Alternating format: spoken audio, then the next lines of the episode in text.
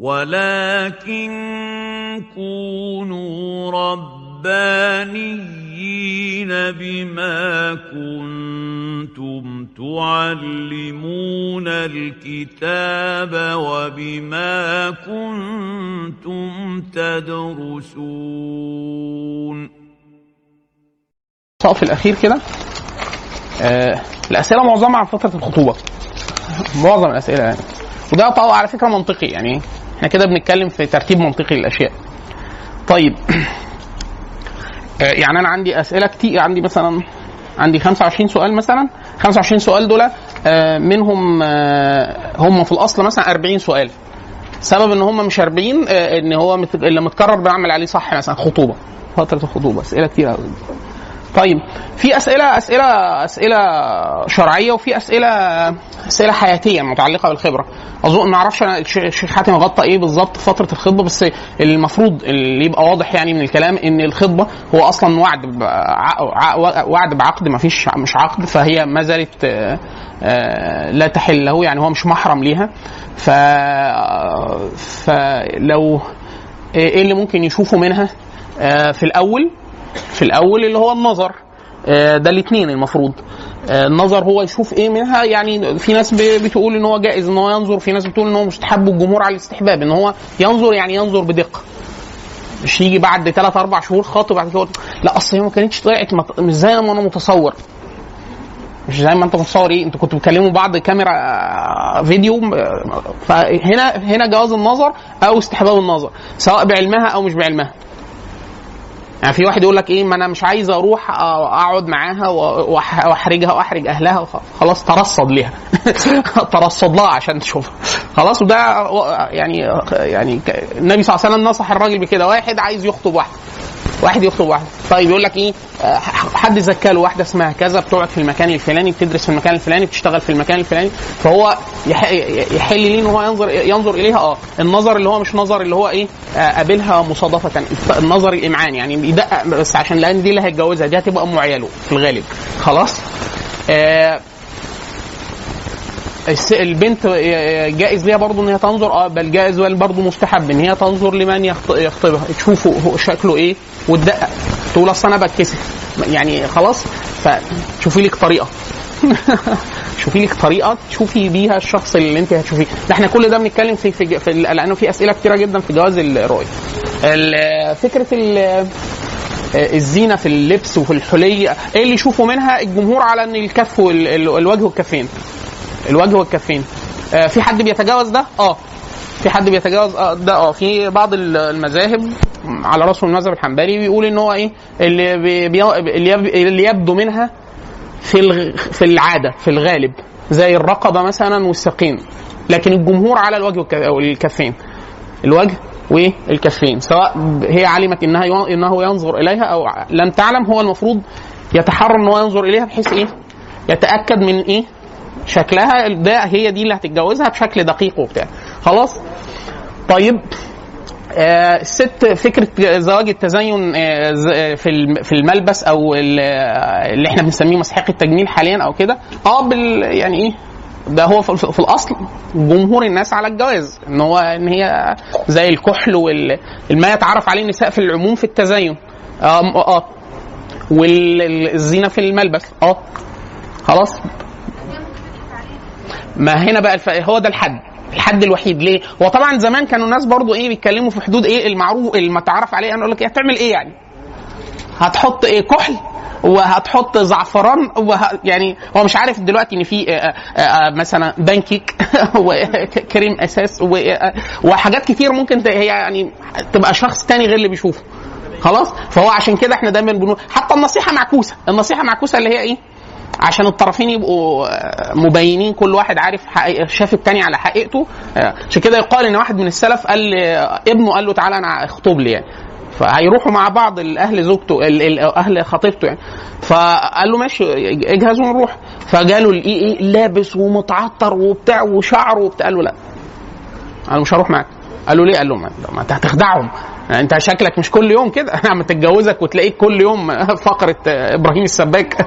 يعني هتحس إن أنت يعني مش ده اللي أنا شفته آه، خلاص. فدايما يقول لك إيه هو الغرض الشرعي من النظر هو التباين والتاكد خلاص؟ وإن هو خلاص دي اللي هتشوفها يبقى آه جميلة مثلا أو توافقني أو أنا مقبولة كده. والعكس بالعكس البنت وهي بتنظر برضو ده الغرض. عشان كده دايما يقولوا إيه فقه في واحد تلاقيه عمال بيبصبص. رايح جاي. يا ابني يقول لك أصل أنا بفكر أخطب آه، مثلا قال لك آه، واحد ماسك صورة. صورة مين دي؟ أنجلينا جولي. ليه؟ بفكر أخطبها. والفقهاء قالوا جواز النظر. لا ما قالوش كده. دايما يقولوا إيه يحرم في حالة استحالة الخطبة. يعني إيه؟ بنت رئيس الجمهورية. آه، بنت مش عارف رئيس البنك المركزي. آه، بنت رئيس البنك الدولي. بتفرج على مين؟ ليه؟ طب بتقعد تنظر يقول لك ما هو مباح ان أنا انظر ليه؟ أنا ناوي اخطبها فهنا في النظر المباح. أو يقول لك هو ده ما- أو واحد آه، مش مكمل تعليمه. خلاص؟ وواحدة معاها دكتوراه. وبيقول لك أنا كل يوم بروح أتفرج عليها عشان عشان ناوي أخطب. هو أصلا مش ده مش ده الغرض. ليه؟ لأن أنت مستحيل تخطبها. عارفين اللي هو إيه درجة التفاوت الاجتماعي أو التعليمي لدرجة إنه مستحيل خلاص ده حتى عشان كده الفقهاء بيخففوا في الست آه، لو لو المحيط اللي بتتعامل بيها آه، لو هو ند ليها اجتماعيا الفقهاء بي- بيشددوا في اللبس والحجاب وكده لما بيكون اللي هو المثال اللي هو الخدم. وال- بيخففوا في ده ليه؟ عشان الفارق المهول جدا لدرجة إن هو ما بيخلوش الست تتكتف التكتيفة بتاعت إيه؟ تكتيفة بره في التعامل اليومي اللي هو حد بعيد تماما بيخففوا مش لدرجة الانتهاك الحرم لا من لدرجة إيه؟ زي عشان كده في الجواري الج- لو حد باب الجواري رقيق بالرغم إن هو الناس ما حدش تقريبا بيدرسه حاليا بس هو مهم ليه؟ في جزء من تصور تصور الفقهاء عن الديانة والعورات وسبب الحجاب ليه الحجاب؟ فيقول لك مثلا عشان النظر عشان الفتنة عشان مش هو ده تعليل هو صاحب الشريعة أمر بالحجاب عشان أمر بالحجاب بس وإلا هو أمر بالحجاب وأمر بالزينة أو سمح بالزينة للرجل وللمرأة فهو هو لما أمر بغض البصر ما أمرش بالبصر كله. يغضضن من أبصارين. غض غض من البصر. فهو صاحب الشريعة أمر بالحجاب. ليه هو أمر بالحجاب؟ خلاص؟ في حاجات حكمة ممكن تتغير. آه ممكن دي تكون الغاية. آه بس التعليل لا مش ده التعليل. خلاص؟ واضح جدا في عورة ال- ال- الجارية وعورة الحرة أمام العبد. يعني عبد بيخدمها. ده مش ده راجل؟ خلاص؟ عورة الحرة أمام العبد مش زي عورة الحرة أمام الحر. خلاص؟ والعبد ده غريب ومش جوزها. خلاص؟ بس هو يحل يعني يسمح يشوف منها ما لا يراه من غ... لا يراه غيره منها. إيه السبب؟ صاحب الشريعة أذن في ده. فعشان كده إحنا دايما بنقول التعليل في أحكام الشريعة ما بيبقاش مفيد قوي في معظم الحاجات. طيب آه المفروض إيه اللي في, الخ... في أثناء الخطبة إيه اللي يحل اليوم؟ فكرة ال... الكلام. هو أصلا كلمة الخطبة أصلا جاية من الخ... من الخطاب. من ال... جاي أصلا أصل الكلام سواء الخطبة اللي هو واحد بيخ- بيخطب في ناس أو الخطبة اللي هو واحد بي... بيطلب من واحدة أو بيطلب من وليها إن هو ي... يجوزها له يعني. طب مجرد الطلب ده هو هو متعلق بالكلام. خلاص؟ فهو يحل لي الكلام؟ يحل لي الكلام في آه، ما شأنه يفيد المسألة. يعني في واحد يقول لك إيه إحنا كل يوم بنتكلم تسع ساعات. عشان نشوف آه، لا أنتوا كده بتذاكروا. كده كده مذاكرة. يعني كده مذاكرة. خلاص؟ هو حاليا دلوقتي عشان في موبايل وفي انترنت وفي في ففي طرق تواصل كتير جدا. انت خطبت واحدة. خلاص. الخطبة دي انت لسه راجل غريب؟ آه انت غريب. وانت مش محرم مش محرم؟ ولا تحل ليك ولا تحل ليك. امال ليه يحل؟ الكلام في المفيد. عشان كده دايما يقولوا إيه؟ الست ينفع حد يتكلم معاها؟ آه في إيه؟ في الحاجة المبررة. هتبيع هتشتري هتعلم هتتعلم. خلاص الخطاب اللي هو آه، الضروري ه- حد آه، يعني الخطاب اللي هي لابد لها منه في أثناء اليوم.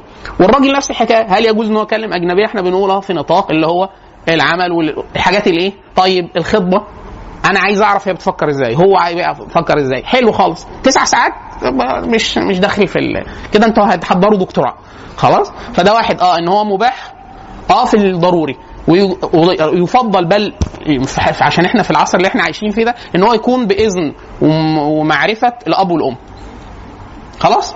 ويكون الكلام آه، مش يعني إيه آه، ممكن يكون إحنا عارفين الفرق بين إن هو ينفع يقعد معاها ينفع يقعد معاها فين في البيت. ينفع يتكلموا؟ آه ينفع يتكلموا. خلاص؟ بدون خلوة. بدون خلوة. يعني مكان ينفع حد هو يعني قاعدين في الصالة مثلا. قاعدين في صالون بس أي حد يقدر يدخل ويخرج فبحيث إيه؟ ما يعينوش الشيطان عليهم هما الاثنين وفي نفس الوقت هما الاثنين يبقوا عارفين إن في ضوابط القعدة دي مش قاعدة إيه؟ برضه مش بنحضر دكتوراه اتفضل.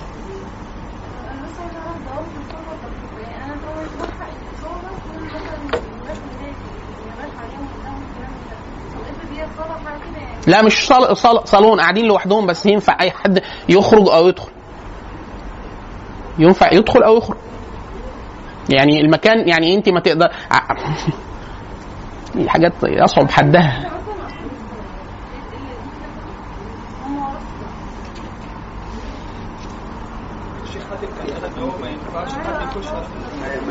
هو إيه؟ هو بالظبط إن انت إحنا لو قاعدين في اوضه قافلين على على نفسنا الباب خلاص أو حاجز لا يمكن إزالته إلا برغبتنا. فكده إحنا إيه؟ كده في خلوة. خلاص؟ عشان كده إحنا دايما بنقول إيه؟ ده حتى بيقولوها للش... حتى في الشباب والبنات حد هيجيب له هيجيب لبنته أو ابنه خط انترنت ويقعدوا على الانترنت. يقول لك إيه؟ ما تخلوش يخلو بالجهاز. بالج... بال... بال... بالكمبيوتر. ليه؟ يقول لك حطه في مكان عام أو هيستخدمه ويفتح باب الأوضة.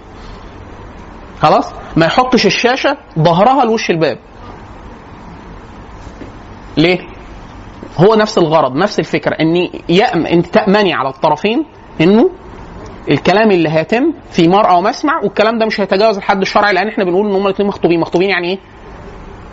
يعني مفيش عقد مفيش أي حاجة. هم نفس الحرمة هي هي. بس إحنا دلوقتي في مرحلة يباح ليهم الكلام لغرض بالضرورة عشان يفهم ده كله. هي هتقول له أنت. هتصرف على البيت إزاي؟ هت... أنت بتتعامل إزاي؟ بتزعق؟ ما بتزعقش. لما بتتنرفز بيبقى شكلك إيه؟ بتتحول؟ ما بتتحولش. تشتغل كام ساعة؟ بتاكل أكل بايت ولا كل يوم؟ أكل فريش وهتجيب لي كرامب في إيدي كل يوم. طبيخ مثلا إيه الحاجات اللي ما بتحبهاش؟ ما تطبخش عشان ما تطلقش. مثلا إيه الحاجات اللي بتحبها؟ بتحب عيش فينو بلدي؟ بالتاو يعني وهكذا. فالقصد إيه؟ إن هو أنت لازم تعرف ده للضرورة. خلاص الضرورة هي إحنا إحنا متفقين أهو إن هم يقعدوا يتكلموا عشان إيه؟ عشان ده. عشان ده. مش لغرض تاني. فاحنا عايزين نضمن إن القعدة دي قعدة عامة بيتعرفوا على بعض. خلاص يبقى مش خلو تمام؟ الإيه؟ إحنا بنقول ما هو أصلا ينفع يكلمها في التليفون بس في إيه؟ بنفس الإيه؟ لازم تبقى قاعدة قدام مامتها وهي بتكلمها لا. مش لازم مش لازم تجيب ماما معانا في التليفون. مش لازم. لا بابا وماما عارفين إن إحنا بنتكلم. ده واحد. اتنين إحنا ما بنحضرش دكتوراه. إحنا الكلام لغرض. يعني جزء من الضوابط العامه إن كل تقليل الفترات أحسن من تطويلها. تقليل الفترات. ليه؟ لأن إحنا ده لغرض. لغرض. الغرض ده هو اللي مخلينا بنتكلم والغرض اللي خلينا بنقعد والغرض اللي فيه زيارات. فعدد الزيارات تقل عدد المكالمات تقل عدد دقائق المكالمات يقل وخاصة الشريحة الضريبة المضافة دلوقتي دخلت على الاتصالات يا فندم فانتوا هتغرمونا كتير. خلاص؟ ففكرة إيه؟ إن كل حاجة بتقل لأن ده كله ده مغيه يعني ليه غرض؟ ليه غاية؟ الغاية بس إن هم يعرفوا بعض كويس عشان يكملوا ولا ما يكملوش. دي المساحة بتاعت الخطبه انت شايفة إيه؟ إحنا بنقول التواصل اللي هو يعني إيه؟ التواصل الطبيعي اصل ده راجل غريب رجل غريب خلاص؟ الكلام يبقى بالمعروف بالمعروف بس مش معروف بين الناس المعروف عند صاحب الشريعة يعني خلاص يعني إزاي الواحد يوازن بين الخشوميه و- و- وان هو يبقى قاعد ملهاش ملهاش ملهاش ملهاش قواعد ملهاش قواعد صدقا ملهاش قواعد حتى حتى عرفيا حتى عرفيا. يعني لو بنت من القاهرة خاطبها واحد من من أسوان. العرف هنا غير الحاجة اللي هي هتعملها. بالنسبة له هي عادية جدا بالنسبة لها هي هناك ممكن بيقتلوا البنت لو خلاص. والعكس بالعكس والعكس بالعكس. اتفضلي.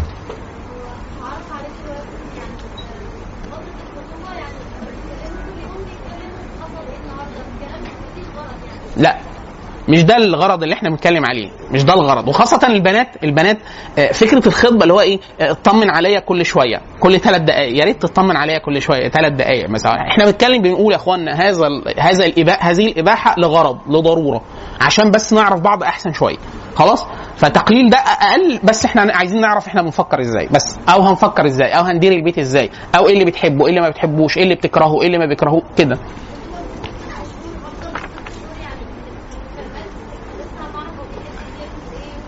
مش كل ده مكالمات يا فندم. في زيارات عائلية في مواسم هيعدي علينا مولد النبي وهيعدي علينا راس السنة الهجرية وهيعدي علينا في حاجات يعني انت الحاجات دي بتدار اجتماعيا فيها جزء من الإدارة الاجتماعية.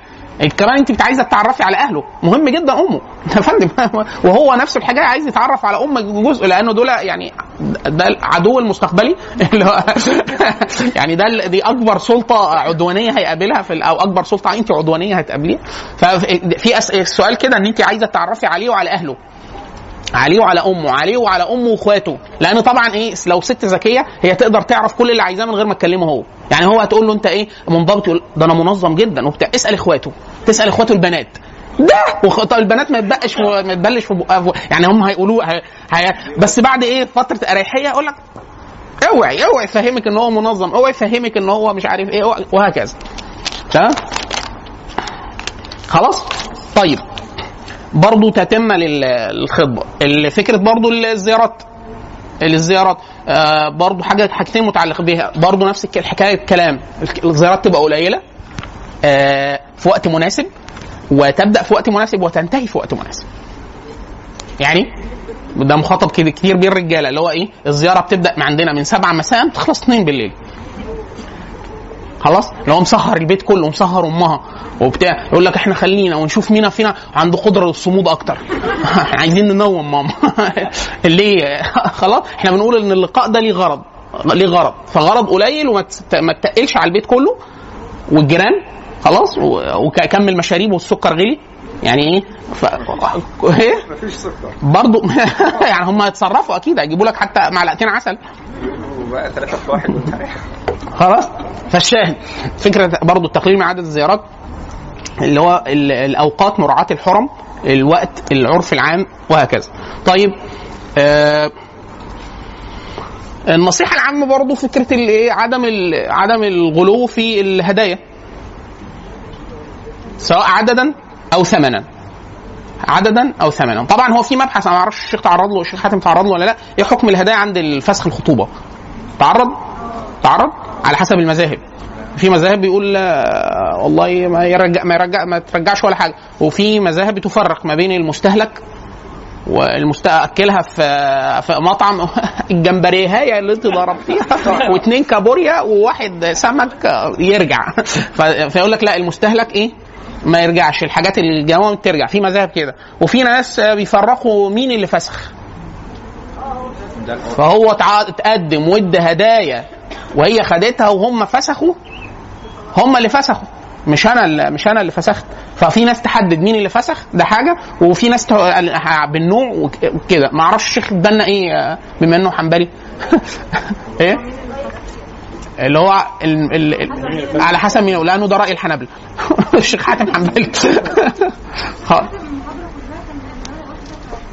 آه المذهب الحنبلي. هو المذهب الحنبلي فيه حاجات لطيفة وفي حاجات مش لطيفة. يعني قصدي يعني ما كل في مذهب يعني مثلا فكرة آه، حد الرؤية. ما أعرفش قال إيه فيه. حد حد الرؤية. يعني ما يحل للمخطوب من المخطوبة؟ الوجه؟ قال ال- اللي هو ما يبدو عادة. ده رأي جوه المذهب. في الوجه والكفين ده جمهور الناس. وإحنا دايما أنا ميال على العكس. على المي... أنا ميال ان الناس الناس تخبر بجو... بما عليه جمهور الناس. ليه؟ لأن في في المذاهب يعني أنا لو قلت رأي الظاهرية رأي لطيف جدا. يتاح له أن ينظر منها ما يشاء. خلاص؟ ده لا يقول به إلا الظاهرية. خلاص؟ وبعض الناس تنسبه المذهب أحمد. خلاص؟ فإحنا بنقول ده ده لا يستقيم ابدا مع العرف العام. ابدا. وحتى لو قلت لك اصل فقيه اللي اجتهد وبتاع لا المساله دي متعلقة بإيه؟ آه فكرة ال... الوكالة في النظر. أنتوا عارفين في توكيل في الخطبة؟ أنا أوكل حد يخطب مكاني أو واحدة. خلاص؟ فأنا ممكن في توكيل في النظر. أنا أقول لأمي أو إخواتي يروحوا يشوفوها. أبقى واثق الأول هم معاييرهم إيه؟ لأنهم أحيانا بيجوا يوصفوا حاجة تطلع حاجة تانية خالص. أو واحدة تسأل زميلتها واحد متقدم لها. بس لسه يتكلم يعني مجرد كلام لسه. فما شكله إيه؟ تقول لا. عارفة رشدي أباظة؟ الستات برضو موسيقى ما تثقوش في عينين بعض. انت شوفي انت. خلاص؟ ففي ناس يقول لك آه يجوز إن هو يوكل في الرؤية. ست أو راجل؟ آه ست أو راجل. فإحنا بنقول ده غريب جدا. إن هو راجل ينظر. لا ما ينظرش. لا ما ينظرش. أنت أنت اللي تنظر. يا إما توكل ست. أختك قريبتك واحدة تثق في, في وجهة نظرها أو أنت عارف إن المعايير بتاعتها اللي هتقولها صادقة لأن أنت مجربها قبل كده في الوصف. خلاص؟ وهكذا. فده ينفع. عشان كده زمان كان في مهنة اجتماعية إن في واحدة بتبقى خضه دي مهنة. ودي مهنة على فكرة المهن الاجتماعية دي آه، الناس تضررت بشدة كبيرة جدا بسبب إن هذه المهنة ما بقتش موجودة. ليه؟ لأن في حاجات من العلاقات الاجتماعية يفضل إن هي تدار بشكل بشكل عرفي، لما بيخش فيها الجانب التعاقدي ب- الدنيا بتبقى حاجة صعبة جدا يعني. خلاص؟ طيب خلاص. إحنا كده يعني معظم معظم الأسئلة اللي كانت متعلقة بالخطبه انت عايز انت أنا أنا انت واحدة أو واحد وهم مخطوبين. أنا عايز أعرف إيه؟ عايز أعرف اللي هو فكرة ال التفكير العام طريقة التفكير العام دي بتبان بقى في إيه؟ في الآراء عموما في المناقشة إحنا بنتكلم في كل حاجة يعني. خلاص ده واحد الشخص اللي قدامي ده بيفكر مدى انضباطه النفسي العقلي مدى حكمه على الأشخ... الأشياء والأشخاص وبتاع. ده واحد. اتنين الإدارة المالية مهم جدا الستات تسأل على الموضوع ده. ومهم جدا الرجالة يسألوا على الستات الحاجات. اللي هو الأكل اللي بيتبقى بنعمل فيه إيه؟ خلاص؟ الحاجات إيه الحاجة اللي بتترمي؟ آه لا، لأن في ست في بنت بتكون جاية من أسرة الأسرة مستوى المادي عالي جدا خلاص؟ وهي نفسها ما بتمارسش أعمال البيت كتير. فهي بتعتبر أي شيء آه، آه، بيترمي. اللي هو بيته هيتخرب. يعني خلاص. فعايز عايز يعرف هي بتعمل هو نفس الحكاية. هو بيحب إيه؟ بياكل إيه؟ ما بياكلش إيه؟ هو عنده مرض معين مثلا يقول لك أنا كذا ما يتحطش في الأكل. لأنه بيضره. خلاص؟ وهكذا. فدي الف... ده الأسئلة اللي المفروض إن الناس بتسيبها وبتسال في الأسئلة إيه؟ الأسئلة الثانية الأسئلة الحقيقية اللي المفروض أنت بتحب إيه؟ بتكره إيه؟ إيه اللي ما تحبوش في الكلام؟ واحد يقول والله أنا بحب حاضر ونعم أنا ما بحبش المناقشة الطويلة. يعني لو سألتني حاجة سيبيني اديني وقت. لو لو قلت لي آه، اديني رأي دلوقتي يبقى الأصل لا. فإحنا عايزين نفهم إيه ال- ال- الديفولت بتاع حضرتك مظبوط إيه ضبط المصنع بتاعك إيه. يعني أنت اللي طالع بيه إيه وهكذا. فأنا عايز أسأل المعلومات الأساسية. الكورة الحب الأكل الشرب عدد ساعات العمل. في واحد بيتجوز بيبقى لطيف جدا في فترة الخطوبه خلاص؟ بعد الخطوبة مش هتشوفه. خالص. ليه؟ هو راجل ب... مثلا دو... يعني واحدة هتتجوز دكتور. معناه إنه ممكن يقعد 36 ساعة في نبطشية. فلازم تبقى عارفة يعني إيه هو إن هي تتجوز واحد دكتور. الدكاتره اخوانا دي شهادة ليهم بصراحة. أكتر كائن سواء ست أو راجل بيشتغلوا شغل عدد ساعات في الدنيا هم الدكاتره لأن الدكتور أحيانا شغله مرتبط إن هو ما يقدرش يعمل off يعني في مهندس مثلا يجي حد مكانه ومش عارف في دكتور ما يقدرش. ما يقدرش. فممكن بدون مبالغة يقعد 24 صاحي. 24 ساعة صاحي. 24 ساعة وأكتر من 24 ساعة. يعني يقعد ممكن يقعد يوم وممكن يقعد يومين. أنا أعرف ناس من زمايلنا بيقعدوا أحيانا ثلاث أيام. خلاص؟ فهو لازم تعرف طبيعة العمل بتاعه إيه. طبيعة العمل بتاعه إيه. خلاص؟ آه في حد طبيعه العمل بتاعه سفر فهو تقريبا أنا أعرف واحد صديقنا مثلا كان بيسافر 20 يوم وبيقعد 10 أيام. خلاص؟ فهي لازم تبقى عارفة إيه. واحد بيشتغل في البترول على بريمه خلاص؟ وهكذا. فالقصد إن هي دي دي الحاجات الإيه؟ دي الحاجات اللي المفروض الناس إيه؟ إن بتسأل عليها. بيكره إيه؟ بيحب إيه؟ العادات اليومية النوم. في واحد لو حد صحاه من النوم يعني بي- ما تصحينيش لو سمحت. أو صحيني بطريقة معينة. آه، حد ما أنا ما بحبش حد يزغزغني. يعني ما صحينيش من النوم يزغزغني مثلا. لو ز... آه ممكن يعورها. أنا أعرف واحد صديقي مدرب جودو. والله هي اصيبت مرتين ثلاثة في أول الجواز ليه؟ هو قال لها قال لها أنا مدرب جودو أنا ردود أفعالي عنيفة.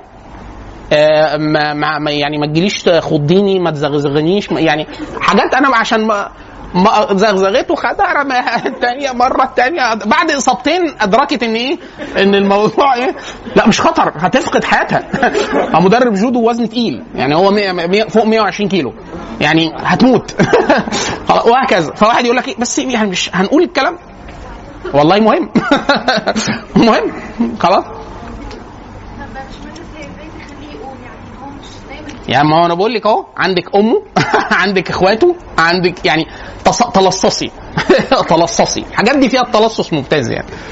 اتفضلي طيب يعني أنا لو سألت عن أخويا في حاجات هشوهه يعني مش آه كويس. كويس. كويس السؤال ده. تبقى حاجات ما في لو حد هيتقدم ما ب- عادي. لا يعني ما إحنا السؤال إيه؟ السؤال ده كويس إن أنت قلت ده يا فاطمة. في سؤال نرجع ورا شوية. أنا حد بيسالني عن واحد صديقي.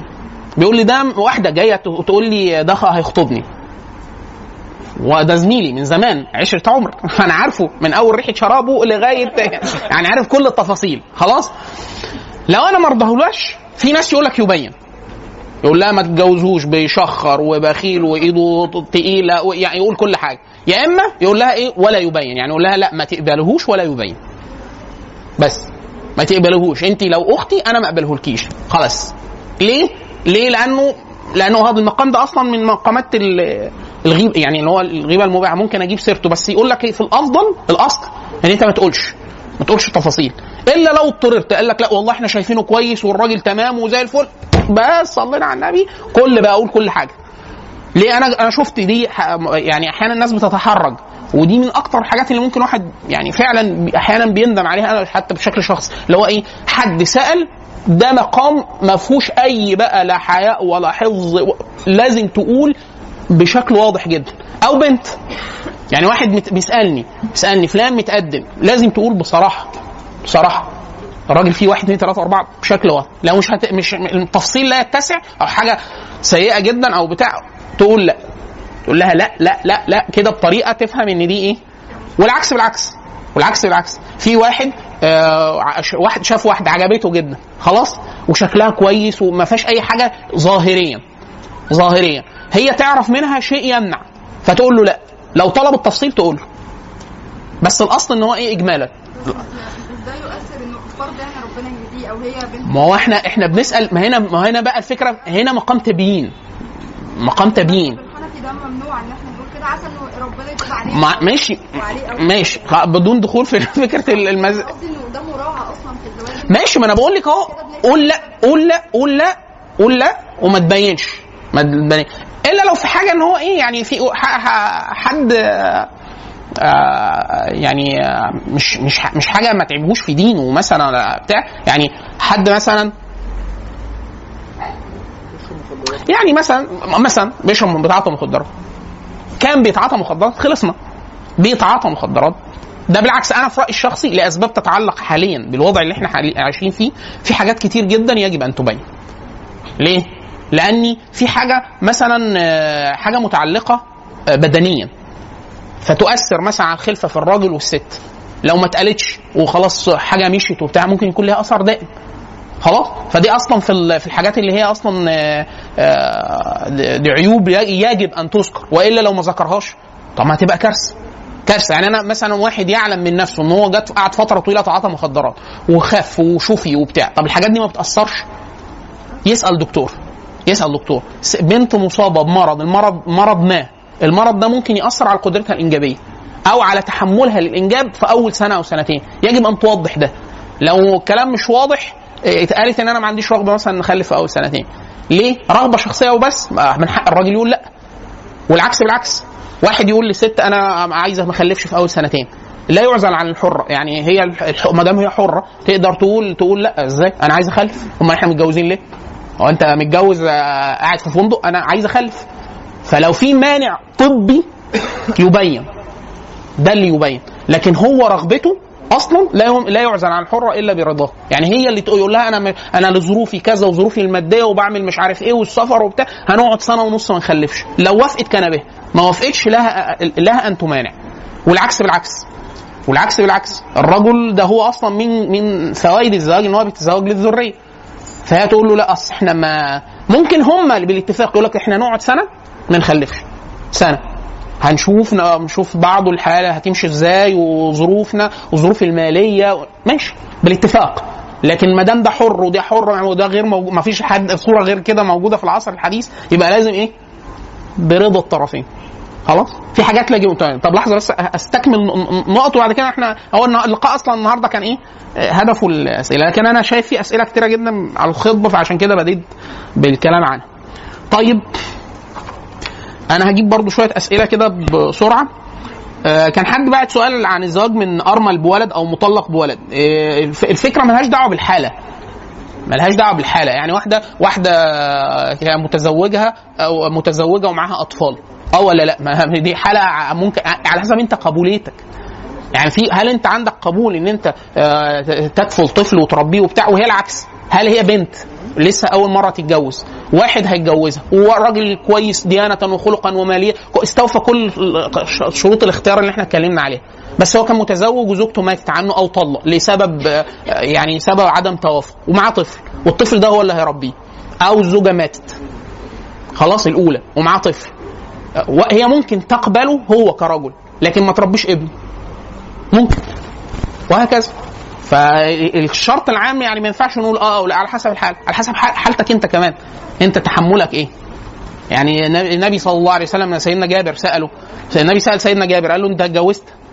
سيدنا جابر قال له إيه؟ قال له آه اتجوزت. قال له بكر ولا ثيب؟ فقال له لا ثيب. فقال له طب إن قال له ما اتجوزتش واحدة بكري ليه؟ فالنبي صلى الله عليه وسلم قال, قال له كده. لكن سيدنا جابر قال له إيه؟ يعني ده اللي بينصحه مين؟ النبي لكن سيدنا جابر قال له سيدنا جابر النبي بيتكلم من حكم الفطرة البشرية وبتاع لكن سيدنا جابر بيقول له؟ بيقول له أنا عندي أبويا توفي وعنده إيه؟ تسع بنات تسع أخوات فمين يربيهم؟ فعايز واحدة واحدة هو عايز يتجوز آه بس هو حابب جدا أبوه وحابب بني أخواته فعايز إيه؟ عايز حد واحدة تاخد بالهم منهم هم كلهم صغيرين ففي غرض تاني واحد يقبل كده في واحد تاني يقول لك لا أنا جوازي غير إخواتي خالص وهكذا. فالقصد إن دي السؤال ده راجع لل ضبط الرؤيه الشرعية أثناء الخطبة. إحنا قلنا على حسب اختلاف المذ- المذاهب وكده. وأنا بسبب فساد فساد الزمان حاليا فكرة إيه؟ نصيحة للطرفين. البنت في الت- التقلل من ال- التقلل من الزينة. تقلل من الزينة. بقدر المستطاع. بقدر المستطاع. ما تتزينش خالص لا. هي ليها أن تتزين وتلبس لبس كويس. ومزين وكده وفي نفس الوقت حلي تلبس حلي كل حاجة. لكن إحنا بنتكلم في إيه؟ يعني قدرة المخادعة حاليا عالية جدا. فبدل ما إيه؟ هو عجبه الشكل اللي ظهرت بيه. هل ده حقيقتها؟ لا. فعشان نبقى ضامنين إن إحنا إيه؟ كل واحد دي هي دي دي اللي هتتجوزها مش حد تاني. خلاص؟ والعكس بالعكس. في واحد بيبقى أداؤه في الخطبة يعني إيه؟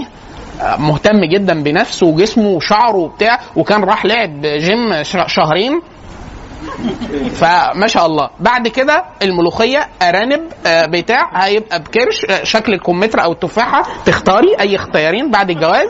فهو إيه مش هو ده آه، سوبرمان اللي أنت اتجوزتيه أو عجبك أثناء الخطوبه ومشكلة النساء إن الموضوع كمان زايد إن الرجالة خلاف المذهبي هيشوف الوش والكفين الست هو أصلا عورة الراجل من السره للركب. فهو لو صوره على البحر ولا بيلعب تمارين ولا كورة وبتاع فسوبرمان لكن بعد الجواز سوبر كمثرى. موضوع الكرش ده يعني حاجة عظيمة. فالقصد إن هو إيه؟ إن هو لا كل واحد يبين بس إيه حقيقته ما يقولش يعني يقول لها إن دي الصورة اللي هتستدين. ده فين الافرج الافرج بتاعك والافرج بتاعك بحيث ما حدش إيه؟ يبقى في حالة تجلي يخطب في حالة التجلي. خلاص بعد كده الانحدار. طيب.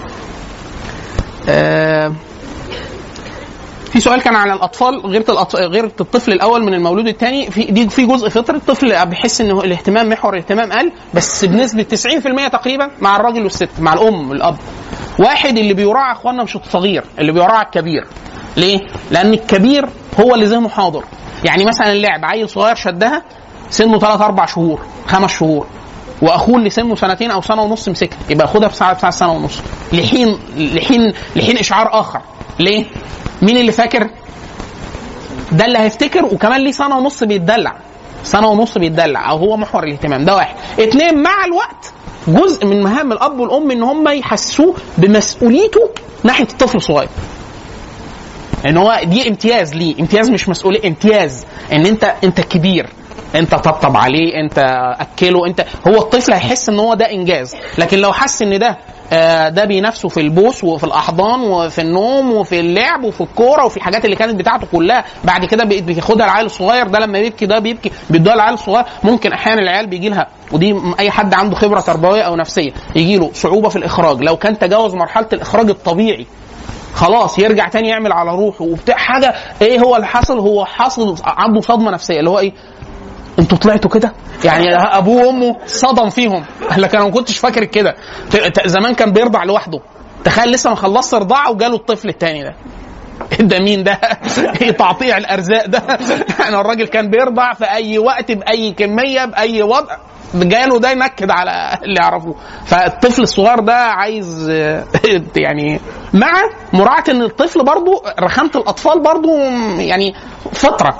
العيل الرخم ده أساسي. يعني هو العيل برضو مش كل زن أو بتاع يقول لك إيه لا يطلع معقد. لا كده أنت اللي هتطلعي معقدة. أمه اللي هتتعقد يعني. لو روعي الطفل مراعاة شديدة جدا الطفل ده مش هتعرف الواحد يربيه؟ وفي نفس الوقت يعني على فكرة لا لا التدليل الشديد جدا مفيد ولا العقاب والصرامة الشديدة جدا مفيد. لا ده مفيد ولا ده مفيد. مهم جدا إن يبقى فيه مفهوم الثواب والعقاب موجود عند الطفل. مهم. مهم جدا إن يكون في تدليل وحب وعاطفة. ده وده. النبي صلى الله عليه وسلم كان يلعب مع الصبيان. كان يقبل الحسن والحسين. وكان يعني آه كان بيلعب معاهم وكان بيركبهم فوق ظهره وكأن النبي صلى الله عليه وسلم وهو على المنبر. بيخطف في الناس. ثم رأى حسن وحسين ماشيين بيتعثروا. عارفين العيل الصغير لما يلبسوا حاجة أطول منه شوية ويمشي الكعبل فيها. فالنبي صلى الله عليه وسلم ما تمالك نفسه. وهو هم أحفاده. نزل وشالهم وحطهم على المنبر جنبه. نزل بقطع الخطبة وجابهم. بعد كده لما نظر فقال إن أموالكم وأولادكم فتنة. ما ما تحملت أو ما صبرت. أن رأيت ابني. نزل جابهم. خلاص؟ حتى النبي صلى الله عليه وسلم ودي حاجة متعلقة بفكرة إيه؟ إن النساء فتنة والأطفال فتنة. فين فتنة الأطفال وفين فتنة النساء؟ فتنة الأطفال حديث النبي صلى الله عليه وسلم آه، الولد مبخنة آه، الولد مبخلة مجهلة مجبنة محزنة.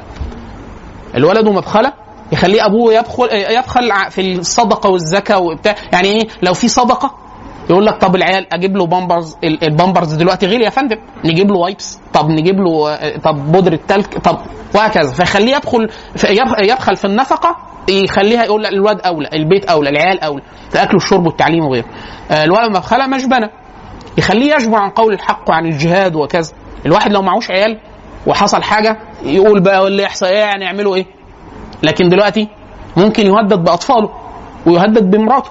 فإيه؟ الولد مجبنه مبخلة مجبنه مجهلة محزنة. المجهلة إن هو إيه؟ بدل الوقت اللي ممكن كنت تصرفه في طلب العلم والقراءة وبتاع مش عارف إيه العيل الأم اللي معاها طفل وبترضع رضاعة طبيعية دي المفروض يعملوا لها تمثال عجوة في ميزان عام وياكلوه.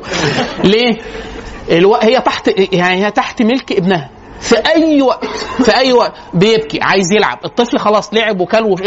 رضع خلاص وعمل كل المهام الحيوية. عايز يلعب. البيع عايز يلعب. لعبوه. يعني إيه؟ فواخد وقتها كله. فهي لو. بتذاكر ولا بتطلب علم ولا بتعمل مش عارف إيه كل الوقت ده مقطع. والأب نفس الحكاية.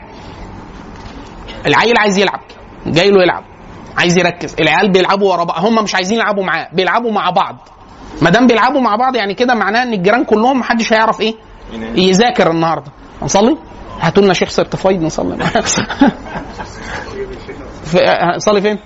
طيب اسحب لنا أي واحد certified من هناك وهاته يعني شيخ شيخ مجاز يعني. شيخ ناجي الشيخ أنس حد كده. خلاص؟ طيب؟ محزنة. محزنة. العيل لو آه، آه، اتساب حد ضربه زاطة في دماغه ورمت قاعدة خبط في الحيطة حزن توفي لا قدر الله يحزنك. فيدخل الحزن على يعني زمان أنت كنت إيه؟ متعلقة المصائب تصيبك أنت شخصيا بس. دلوقتي في طرف تاني أنت قاعدة سليمة معافاه والواد وقع من على الكرسي ورم آه، ضرسه مش عارف إيه آه، جاله حساسية عنده تسلخات آه، عنده مشكلة في الإخراج وهكذا. فهو محزنه يدخل الحزن على قلب ابيه وأمه. خلاص؟ دلوقتي لو أنا آه، خطيبي باخدها بتسالني على حاجة معينة. اعمل بقى؟ آه، آه، آه، على حسب السؤال على حسب السؤال على حسب السؤال. في سؤال المفروض إنه خلاص مش مش هتفضحيه ولا بتاع وفي سؤال من الحاجات اللي هتتعاملي معاه تقولي لها تقولي لها. آه في برضه كان في سؤال برضه متعلق ب آه، المتعارف عليه دايما إن ال آه، إن ال- الرجال هم اللي بيخطبوا النساء. خلاص؟ طب العكس العكس. طبعا العكس ينفع. إيه؟ العكس ينفع. آه لو ال- الولي ولي ولي البنت يعني لو رأى شاب صالح وبتاع ممكن يعرضها عليه. لكن هو ليه ليه؟ ده, ده- مش متخيل شوية دلوقتي. أول حاجة بسبب تغير طباع الناس فزمان الناس كانت الدافع الأساسي ليها إيه؟ هو الدين وكذا مع وجود الإنسان الإسلام في المجال العام والأنساب والاحساب فده بيفهم فهم صحيح.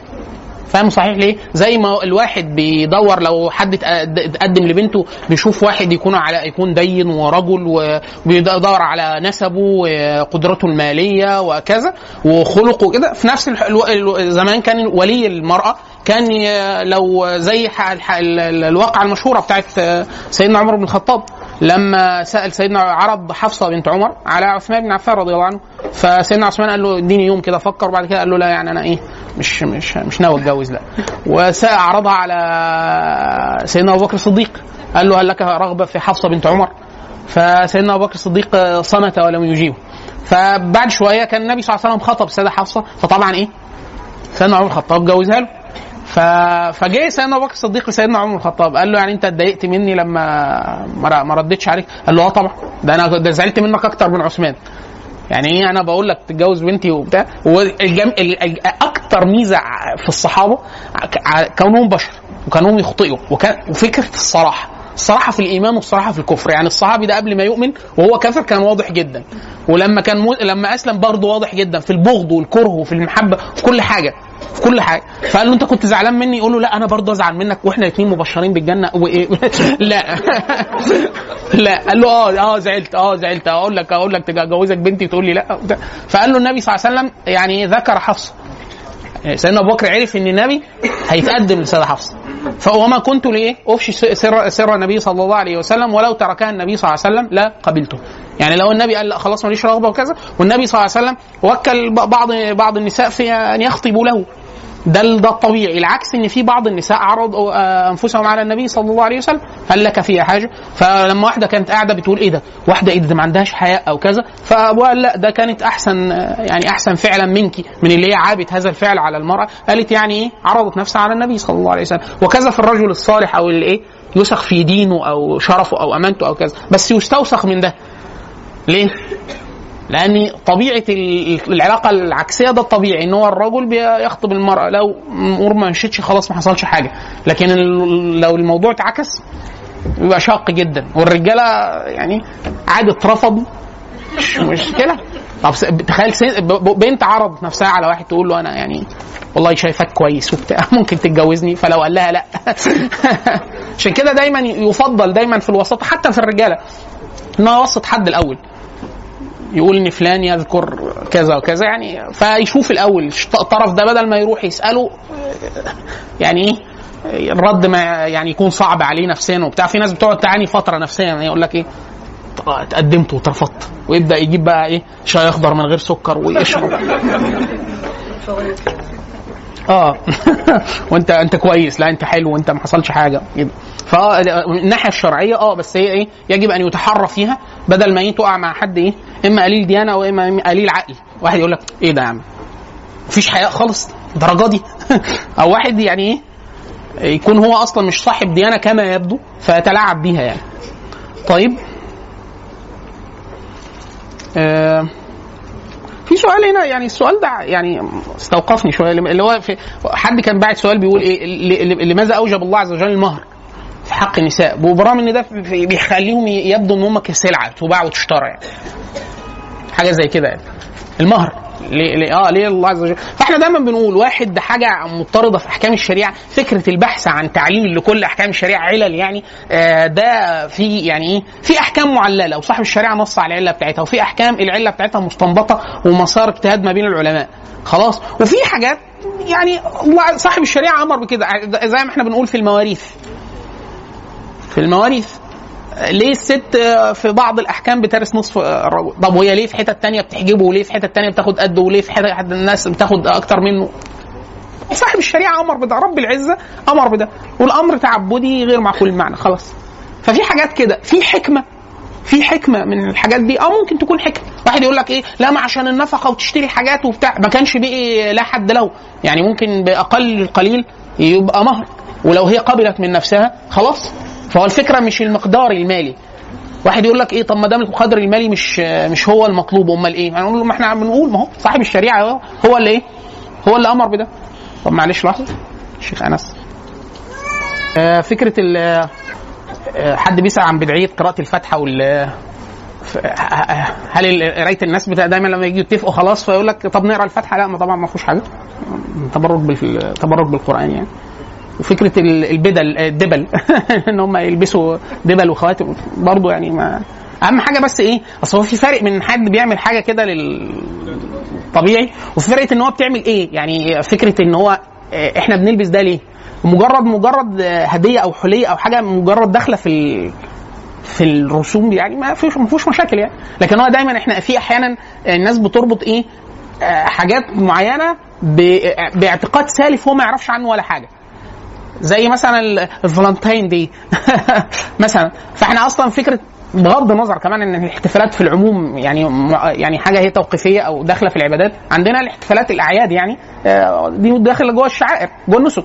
يعني عيد الضحية عيد الأضحى عيد الفطر عيد الضحية وهكذا. لكن في حاجات زي كده الدبل بعض ال... في حاجات لو حد دقق فيها تاريخيا يلاقي ناسب. لكن لو الموضوع داخل بس جزء من الهدايا هدايا ال- هدايا النكاح يعني والخطبة وبتاع ما فيهوش مشاكل. خلاص؟ آه برضو كان سؤال مهم في فكرة إيه؟ آه طاعه حدود طاعة الأهل في الزواج. الناس بين طرفين طرفي نقيض في ناس آه، هي ال- ال- أي حاجة هيقولها الاهل تمشي. خلاص؟ طب هي أنت من جواكي مش حاسة إن ده يناسبك وأنت مش عاجبك؟ حتى إحنا قلنا حتى لو مش عاجبك شكلا. يعني وافقتي على كل حاجة ومش عاجبك شكلا ممكن تقولي لا أنا مش عشان مش عاجبني شكلا هرد. ونفس الحكاية في واحد يقول لك البنت أهلها كويسين ومتدينة وبتاع مش عاجباها شكلا. هو ممكن ما يخطبهاش عشان كده. هل ده يعني حاجة. ما فيهاش حرج ولا حاجة؟ خلاص؟ فهي ده في في حدين. يعني يا إما كل حاجة حتى لو هي حاسة من جواها إن ما فيش توافق وما فيش ميول ومش عاجبها وبتاع وتقول طب عشان الأهل وبتاع عشان أرضيهم وكده طب ما أنت هتفسدي على نفسك بقية إيه؟ حياتك. طيب والعكس. إن هي إيه؟ الأهالي دايما بيفكروا غلط. في أطروحة دايما كده كل جيل بعد كده بيكتشف لما هو بيبقى أهالي إن هو بيفكر صح.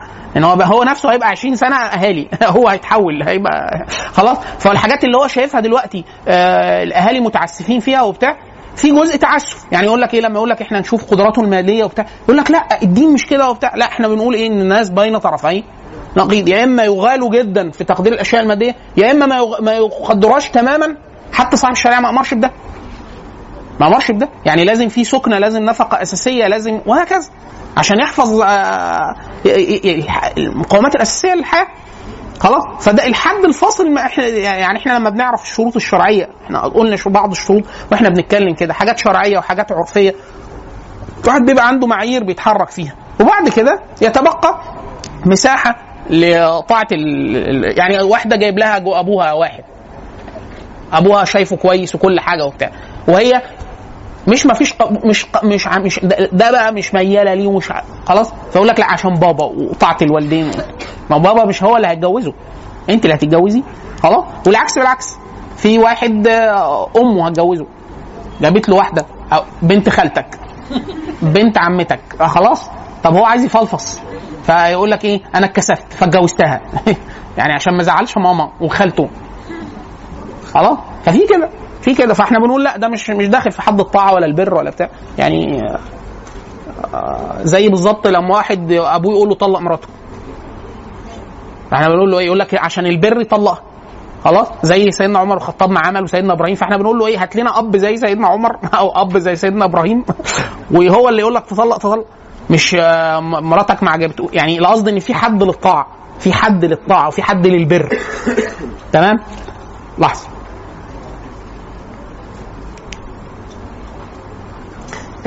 فكرة التوافق آه، في في التعليم والوظيفة ما بين الزوج والزوجة إحنا قلنا إن الكفاءة, داخل فيها ده.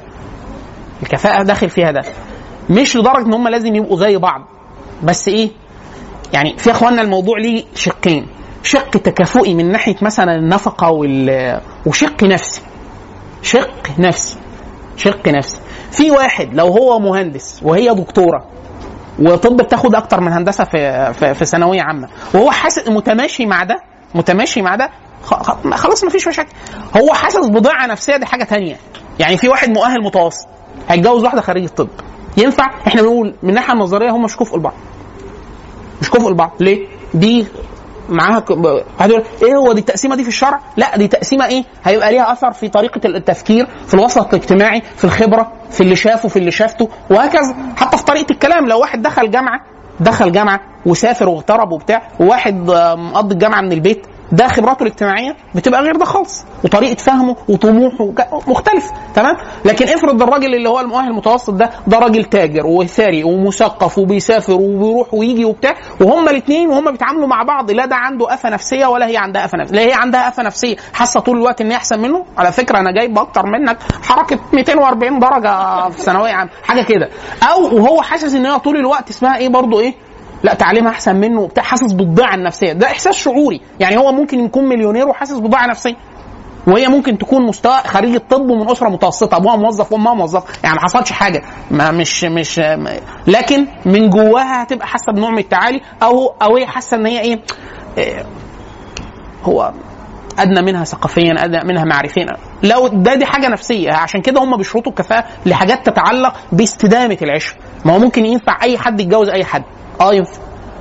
لكن الاستدامة؟ لا مش هتنفع. مش هتنفع.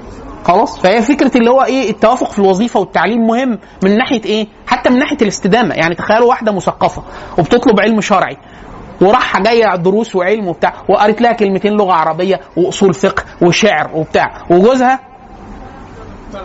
راجل ملوش دعوة بالكلام ده خالص. هي أول ما تقول قدامها بيتين شعر ولا أنتوا بتروحوا فين بالظبط؟ الشيخ عمود إيه اللي بتحفظوا فيه شعر وأدب ومجنون ليلى وإيه الكلام اللي بتجيبوه منين ده؟ خلاص أو تقول له مثلا يقول لها حاجة تقول له لا. ال... أنت عارف ال... ال... الحاجات ال... ال... أنت عارف الدليل؟ الدليل ده نوعين بقى. ال... وتقعد تقول له إيه؟ أو هتك... هي... هيختلفوا في حاجة فتقول له لا في معايير شرعية للموضوع ده. هتحس إن في فجوة إيه؟ ضخمة جدا فمش هيعرفوا يكملوا بعض. فعلا مش هيعرفوا يكلموا بعض. عشان كده دايما يقولوا إيه؟ يقولوا مثلا راجل هيلزم سيد مراته بحاجة. أنا عايز مراتي تنتقد طب والنقاش فيه قولين. ينفع أجبرها ولا ما ينفعش أجبرها؟ فيقولوا إيه؟ على حسب الست. لو هي طالبة علم ولها آه، يعني لها هي طالبة علم ولها مذهب وبتاع ومتبنية شيء عن دليل ما أقدرش أجبرها. تقول له لا أنا شايفة كشف الوجه الوجه هو اللي مناسب وبتاع. ما هو هيجبرها ديانه ده هيختار لها اختيار ديني يعني. شرعي إن هو شايف إن هو واجب أو بتاع. خلاص؟ طب هي لا ما, هي مقلدة في العموم لا يبقى كلامه يمشي. على حسب حالتها هي فعشان كده إيه إحنا بنقول إيه؟ يعني الاثنين يكونوا إيه عشان يعرفوا إيه يبقى في طريقة تواصل مع بعض. وهكذا. فالموضوع المسألة آه لا داخلة طبعا في داخلة في الحسابات آه داخلة في الحسابات. طيب. آه، برضو كان في سؤال على فكرة اكساب ال- ال- الطفل. إحنا كنا بنقول إن الذكر الطفل اللي بي أنا بربي طفل هو ولد ذكر من الناحيه البيولوجية. خلاص؟ ده معناه إن هو هيطلع نفسيا ذكر؟ لا على حسب أنا هعمل فيه إيه. أنا هربيه إزاي؟ والبنت نفس الحكاية. هي هتطلع أنثى؟ لا. عشان لو في بنت ليها أربع أخوات ولاد أربع أخوات وهي بنت وحيدة أي حد من زمايلها هيقول لها يعني إيه إحنا بنحسك يعني إيه تعاملك أنشف من ليه؟ دي بتتعامل مع أولاد. يعني جربت تسلم سلام ولاد. الرجالة بيسلموا بطريقة يعني إيه؟ اللي هي إصابة كل إصابات ال ال ال ال الكف والأصابع والمفاصل ممكن تيجي البنت لو راجل سلم عليها. ليه؟ الشباب ده حاجة متعلقة بالذكورية و- و- الممارسه يعني. إن هم هم بيسلموا على بعض بيبدأوا يمارسوا نوع من القوة. فيدوس على إيده يلويها له. يجي يسلم عليه يسحب إيده يروح ضربه قلم. يعني حاجة كده. فتخيل هي اثنين في طريقة المشي. الرجالة الرجالة في طريقة المشي. بيبقى ماشي ناش المفروض. إحنا طبعا حاليا أنا ليا في الجامعة من سنة 96 هذه الأطروحة بدأت تهتز عندي إن الراجل ممكن يبان من مشيته. ما ولا من لبسه يا فندم. والله يعني أنا مرة حد واحد صديقي كنا كنا في هندسه في كلية هندسة ساحة واسعة جدا وفي مستوى ثلاث خمس سلالم كده فإحنا لو في مستوى معين نبقى واقفين ممكن يبقى في حاجة مغطية فنشوف رجلين اللي واقف رجليه ما نشوفش وشه يعني ما نشوفش نصه اللي فوق. فبيقول لي بص هناك كده. فبصيت فقلت له يا أخي ليه كده؟ واحدة واقفة لابسة بنطلون جينز. فقال لي هو أنا بقول لك بص. بقول له ما شفت. إيه لا قال لي لا بص تاني. هو بص تاني ما انت خلاص وريتني واحدة. قال لي لا لا لا بص بس. إيه واحدة لابسة بنطلون قال لي والله واحد. آه استنينا شوية بعد نزل مع سلام طلع ولد. لا الوقفة ولا ما فيش حاجة خالص. يعني فإحنا بنقول إيه؟ لا ده مكتسب. ده مكتسب بقى. والبنت نفس الحكاية. عشان كده إحنا بنقول إيه؟ في حاجة جزء مكتسب إيه؟ اللي هو إيه؟ آه طريقة الأكل الشرب الكلام الاعتذار آه التعبير عن العواطف. كل ده داخل فعشان كده ده حاجة يعني إيه؟ لا ما نقدرش إن حد ينكرها. إن أي ست بتقعد تشتغل فترة في المجال العام في المجال العام وبالذات واحدة مهندسة مديرة. مديرة HR دي اللي بتفصل وبتقول له تعالى لي المكتب أنت عملت كذا أنا هطلع تخيل دي مع جوزها بقى. دماغ لدماغ وهي مش يعني إيه؟ هي بتدور مؤسسة فيها 100 موظف. يعني هو مدير عليه. انت تقول له اول ما يقول لها حاجة ما تعجبوش هات ال CV. هات ال CV بتاعك. إيه آه يعني انت خدت كام project قبل كده؟ أنا أنا واخدة مثلا 140 project مخلصاها قبل كده. فهو في فكرة اللي هو إيه؟ ان هي أصلا في ستات أصلا من الرجالة نفسيا. ست. آه من كتر اللي شافته في الدنيا وبتاع أو وظيفتها أو كده الست الدكاترة. دكتورة. بس الدكتورة إيه نزلت استقبال وشافت ما, ما, وناس بتموت قدامها وجراحة وبتاع. فبتبقى إيه فيها نوع من الص... أنا زمايلي كل زمايلي الدكاترة كنت أقول لهم أنتوا ما عندكمش دم. فيقولوا لي لا إحنا لو انفعلنا كل وقت بانفعالك اللي انت بتنفعله من الحوادث هيجي لنا هيجي لنا انهيار عصبي مع اول يوم. فاحنا من كتر الحاجات خلاص ما يعني ما زي الاب الأب والأم مع الطفل الأول. دايما يقولوا كده معضله الطفل الأول. الطفل الأول ده أول ما يعيا ولا يسخن. جاله سرطان. هو بيعمل حاجة لما تروح لدكتور أو دكتورة الأب بيبكي والأم بتبكي والدكتورة بتشقلبه كده وبتاع وتعدله وخلاص مع فيش انطب... فيش عاطفة. عاطفة إيه؟ دي كل العيال بيجي لها كده وعارفة آخره إيه؟ وعارفة إيه؟ آخره إيه؟ فده طبعا ده بيدي نمط ما من انماط الشخصية وهكذا. فالقصد إن هو يعني آه، بقى فكرة تركيز إن أنت الطفل يعني البنت البنت وهي صغيرة إن أمها تركز إن هي تك- تكسبها نوعها ده مهم جدا. في إيه؟ في نوع الألعاب اللي بتلعب بيها. نوع الألعاب. آه، الولد مثلا ولد. في كتير جدا من الأمهات يقول لك إيه؟ ما هو بيلعب مع البنات عادي. لا مش عادي. يروح يلعب مع الولاد. يروح يلعب مع الولاد. يتجرب على لعب الولاد هزارهم طريقة أدائهم كلامهم. لأن إخواننا إحنا إنتوا ركزوا كده. يعني كل واحد يسرح بخياله مثلا 30 ثانية كده. وهو بيزعق. شبه أبوه ولا شبه أمه؟ في الزعيق. كل واحد ليه طابع. ما أعرفش بقى كل واحد بي في وهو بيتكلم في التليفون. لما بيجي يقول ألو في التليفون. ما جاش في سن معين في ناس بت... بتخ... لو بنت إزيك يا فلانة؟ لا أنا بنتها. أو الولد. وهو بيتكلم حد إيه؟ أو لما يزعق يقول لك ياه أكنه بالظبط أبوه. هو بيعمل إيه؟ بيعمل محاكاة لشخص ما. طريقة الزعيق والشتيمة. وال... خلاص؟ تخيلوا طفل ولد ذكر نشأ لغاية ما كبر وما بيعرفش يشتم. يقول لك أنا عايز أخلف ابني مؤدب في مصر. مؤدب ليه؟ هتعمل ليه هشتغل إيه؟ طيار؟ فيقول لك إيه؟ أقول لك أنا عايز ابني ده العرب اللي نفعهم الجاهلية يا فندم. في طبعا مرويات كتير عن الصحابة اللي هو شتموا بهو وأمه وبتاع وهو صحابي ومعاه النبي وكل حاجة بس قال كلام ما يتسكتش عليه راح مديله بقى. مخزون الجاهلية مهم جدا مخزون الجاهلية مهم جدا. فواحد يقول لك إيه؟ ينفع واحد عشان كده الإمام الشافعي كان يقول لك من استغضب فلم يغضب فهو حمار. اتنين هيقاتل إزاي؟ عشان كده دايما يقولوا جزء من جزء من الإسلام إن هو ما جاش قال لك إيه؟ الإسلام إيه؟ العرب كان بيقتل في الجاهلية بيقتل. ده أصلا بيقتل. جه الإسلام قال له هنقتل شوية صغيرين. مش كل الناس. أنت زمان كان بيقتل كل الناس.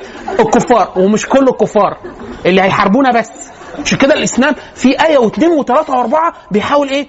يا إخوانا ما تقتلوش كل الناس. آه آيات كتير نزلت. كتير. كذلك كنتم فما أن الله عليكم فتبينوا. نزلت فين؟ الصحابة معديين على ناس قالوا لهم أنتوا إيه؟ قالوا لهم إحنا مسلمين وأشهد أن لا إله إلا الله وأن قتلوهم وخدوا. اللي معاهم قال لك لا ده ده بيضحكوا عليه. لما رجعوا قال لك هم إحنا قلنا عشان خايفين على الغنائم وبتاع وهم رغبة في الغنيمة برضه خلاص. فقال لهم كذلك كنتم من قبل فمن الله عليكم فتبينوا اللي هو الإنسان لا يضرب بالسيف كده وخلاص ضرب عشوائي. سيدنا أسامة وغيره. فالإسلام جه إحنا دلوقتي بنعاني من مشكلة إيه؟ إحنا العيال عايزين نسترجل شوية نخشى. على فكرة دي مشكلة عالمية. مشكلة عالمية. في كتب كتب متألفة حاليا كتير جدا اللي هو إيه؟ اللي هو اللي هو كيفية اكساب الخشونة للأطفال إحنا دلوقتي كمجتمع بنميل للرفاه فيقول لك أنا عايز مكان الطفل ما يتضربش ليه؟ لأن إحنا مرينا آه، قاسية شوية المدارس العيال اللي بتاخد منك السندوتشات اللي بيضربوك اللي مش عارف إيه والبنات نفس الحاجة فإحنا عايزين نروح في مجتمعات نحطه في كبسولة كبسولة ده هيطلع إيه؟ هيطلع بنت يعني معظم مدارس اللغات لو جبنا أي ولد في مدرسة انترناشونال ووديناه حي شعبي العيال هيتفرجوا بالنسبة لهم إن في إيه؟ بنوته جاية. هو ولد وكل حاجة. وممكن يكون الولد مظهره قوي وجسمه قوي بيلعب ألعاب قتاليه يقول لك طب لا ده أنا بلعبه كاراتيه. هيروح الحي الشعبي هيعرف إن هو برضه يعني ابتسام. مش مش ليه؟ هيروح يلاقي ناس تانية اللعب اللي أنت بتلعبه كأداة قتالية ده الهزار اليومي. ده اللي هو اليومي. خلاص فإحنا بنقول الخشونة جزء من من حسنات الصحابة. من حسنات الصحابة. المخزون الجاهلي. المخزون الجاهلي ده راجل إيه؟ كان بيشرب خمرة وبيزني وبيشتم وبيقتل وجه الإسلام قال له لحظة دول بلاش. الأكل نقتل شوية صغيرين. الخمرة قعدوا فترة عشان يعني أهل بدر كانوا بيشربوا خمرة. التحريم جه متأخر خالص. ففي آه؟ الجواز. الجواز إحنا دلوقتي عندنا مشكلة في الجواز وعندنا مش... كان بيتجوز 20 واحدة 40 20 واحدة يعني يقدر يتجوز 20 واحدة. من كل النواحي وفي نفس الوقت من ناحية النفقة وحمل المسؤولية وتربية العيال جه الإسلام قال له طب ما نقلل المسؤولية شوية. خليهم أربعة بس as maximum يعني يعني أكتر حاجة. هو الراجل كان بيبقى متجوز 20 واحدة وجه الإسلام قال له تطلقهم وتخلي أربعة بس. إحنا دلوقتي الواحد ما يعرفش يقوم مسؤولية بيت. ودي جزء من مشكلة كبيرة جدا. مشكله مشك- مشكلة إن الرجالة نفسهم قدرتهم كرجالة في تحمل المسؤولية العامة قليلة. ده الستات يمكن في في مصر بالذات في القاهرة المدن المليونية اخشن من الرجال. دي ظاهرة عامة. ان آه والله. اخشن يعني إيه؟ يعني أكثر تدبيرا أكثر حكمة أكثر تحملا المسؤولية أس... الرجالة مش كده. لأسباب ممكن يطول شرحها تاريخيا إيه سبب العمل فيهم كده يعني. لكن لكن نرجع تاني. فكرة إن هو الموضوع ال ال ال ال. إن الواحد يقول ده فطرته طالع ولد ما هيطلع ولد. يعني هيطلع إيه؟ لا هيطلع بنت. وفكرة الشذوذ حاليا هي الشذوذ النفس الشذوذ أصلا في جزء منه نفسي أصلا مش بيولوجي هو راجل وهي البنت بنت. من الناحيه البيولوجية من الناحيه الأنثوية هي أنثى وهو من الناحيه الذكورية هو ذكر. لكن من الناحيه النفسية هو بي- بيصير شاذ جنسيا بسبب إن هو أو العكس بسبب إن هو إيه؟ إن هو نفسيا هو أنثى. نفسيا هو أنثى. لكن هو بدنيا آه، رجل. المفروض طيب. إحنا اتكلمنا عن الحد الحد الأدنى من الديانة اللي هو أقبل إيه؟ الحد الأدنى اتفضل معينه للام بحيث شوية بصراحه بالذات الاولاد ما يكونش عندهم مشكله آه. في في في عنوان في عنوان أو عنوانين كويسين قوي يعني خليني اجيبهم لك. حاجة أصل في في اختبار يا اخوانا في اختبار اختبارات نفسية بي- بي- بي- بي- بيتم يعني بتجرى على الأطفال للاطمئنان للميول الجنسي. الاطمئنان للميول الجنسي إن ده مظبوط. في واحد يقول لك إيه؟ آه لا ما هو هو قدامي طبيعي. انت ممكن كأم أو هو كأب ممكن من بدون وعي بدون وعي يفسدوا الطبيعة ال- الطبيعة الأنثوية أو الذكورية عند البنت أو الولد. خلاص؟ ففي اختبارات بتتعمل وفي بعض الكتب جيدة في التربية الجنسية للأطفال. التربيه يعني ده عنوان عنوان كبير. التربية الجنسية للأطفال. إن الطفل إن الطفل الجانب السيكولوجي إحنا ما بنتكلمش على الجانب البيولوجي. الجانب البيولوجي ده بيدخل فيه الدكاترة. لأنه أحيانا في طفل آه بيبقى فيه بدنيا محتاج إما يتعمل له جراحة أو أحيانا حقن بحاجة أو يعني في تدخل طبي مش ده اللي إحنا بنتكلم فيه. إحنا بنتكلم على جانب سيكولوجي محض متعلق بالتربية والتنشئة النفسية. الت... بعنوان كده التربية الجنسية للأطفال. إزاي أضمن إن الطفل ده هو ذكر وطالع راجل وإن دي أنثى وطالعة بنت. مش أنثى وطالعة راجل أو ولد ذكر وطالع بنت نفسيا سيكولوجيا يعني. تمام؟ لا لا الاثنين الاثنين. عشان كده دايما أحيانا غياب أي طرف من الاثنين بيأثر بشكل كبير جدا على يعني في ولد مثلا والده توفي. خلاص؟ فأمه اللي بتربيه. لو ما فيش آه، احتكاك عالي بذكور سواء في العائلة أو في التدريس أو في المدرسة أو في التدريب أو بتاع الطفل بيبقى واضح جدا من سلوكه إن هو بيبقى يعني ما ي... آه. بس في حد مش مرضي بس حد هيقول إن النمط الشخصي بتاعه آه بنوتة. يعني أنا مثلا لغاية سن ست سنين أي حد كان بيتعامل معايا يقول لك ده ده ملوش إخوات ولاد صح؟ إيه السبب؟ إخواتي كلهم بنات. فأنا ببكي زي البنات. أي حد بيعمل أي حاجة. خلاص. وأسماء الأشياء عندي أسماء بنات. يعني ما أقول لك ممكن تجيب لي البلوزة الحمراء اللي هناك عشان ألبسها. بلوزة. أنا ما فيش حد في البيت عندي بيقول حاجة غير البلوزة. إخواتي كلهم بنات. خلاص. لغاية ما رحت ألعب كاراتيه. ماما قالت لا الواد ده ودوه يلعب كاراتيه. طبعا يعني أنا عشان أتعلم ده اتورمت يعني. بس خلاص بعد كده إيه؟ كان حد من الناس الكبار اللي في عيلتنا عمتي يقول لك سبحان الله اللي كان يشوفه وهو صغير قبل ما يخش ابتدائي. ليه؟ المدرسة؟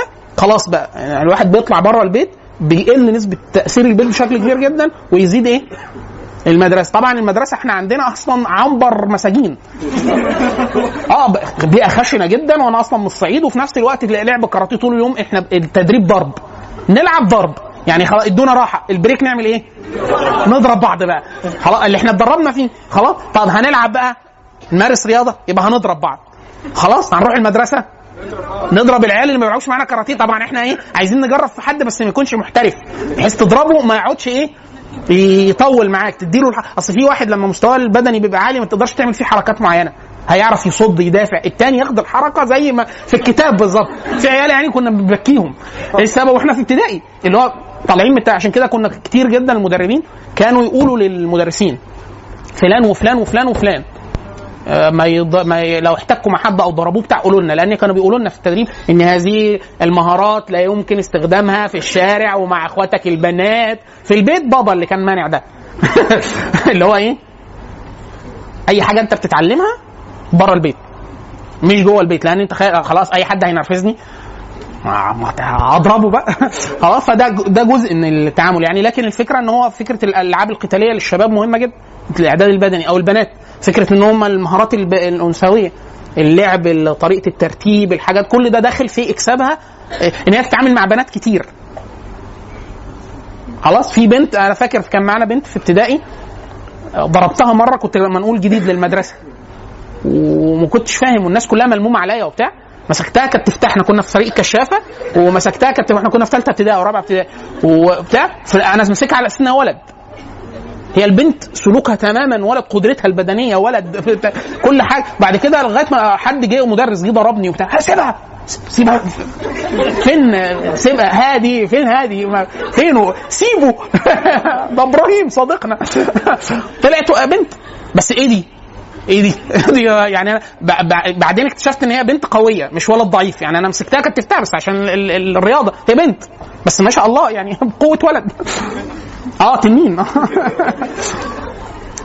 طيب فكرة فكرة برضه سؤال مهم برضه. كان فكره اللي هو إيه إيه الحب الحلال. ده إحنا إحنا عندنا كتير في الدورة نقول لك إيه؟ موضوع الحب ده هاتوا إيه؟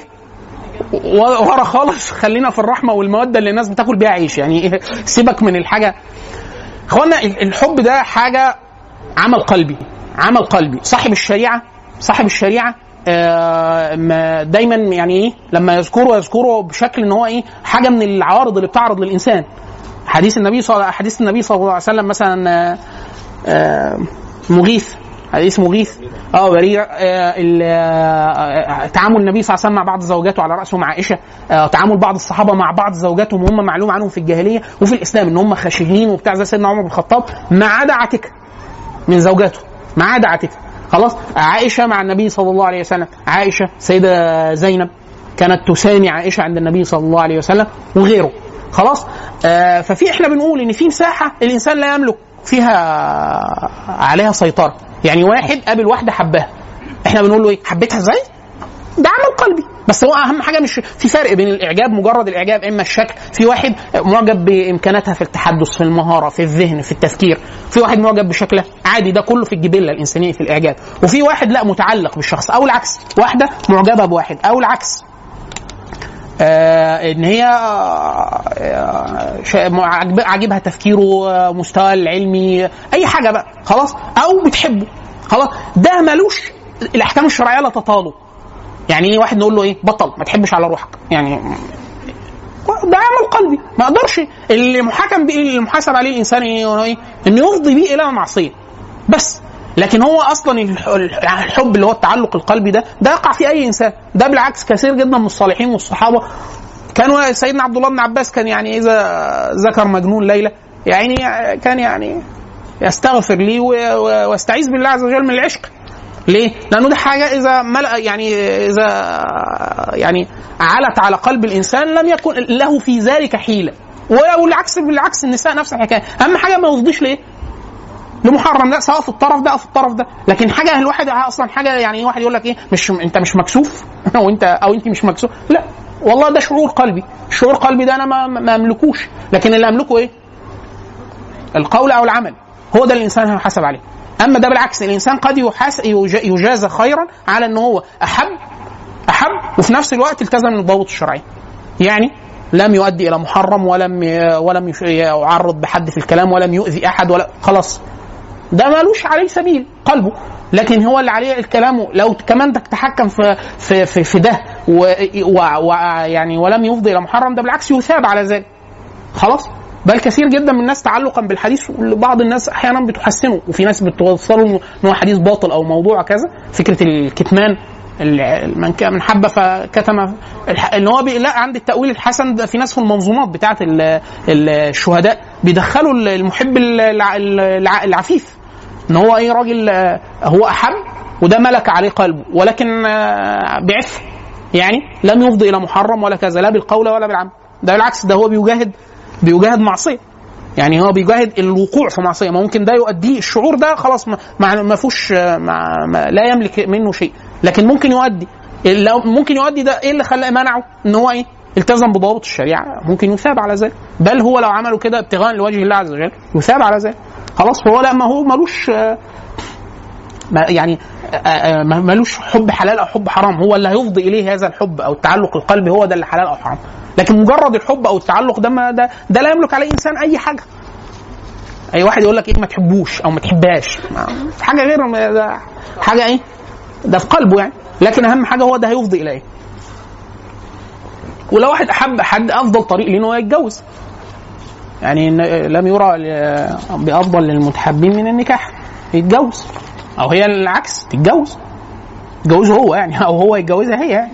مش يتجوز قال لك أنا بحب أتجوز أي حد. لا لا هو هو شخصيا أو هي هي شخصيا خلاص؟ طيب.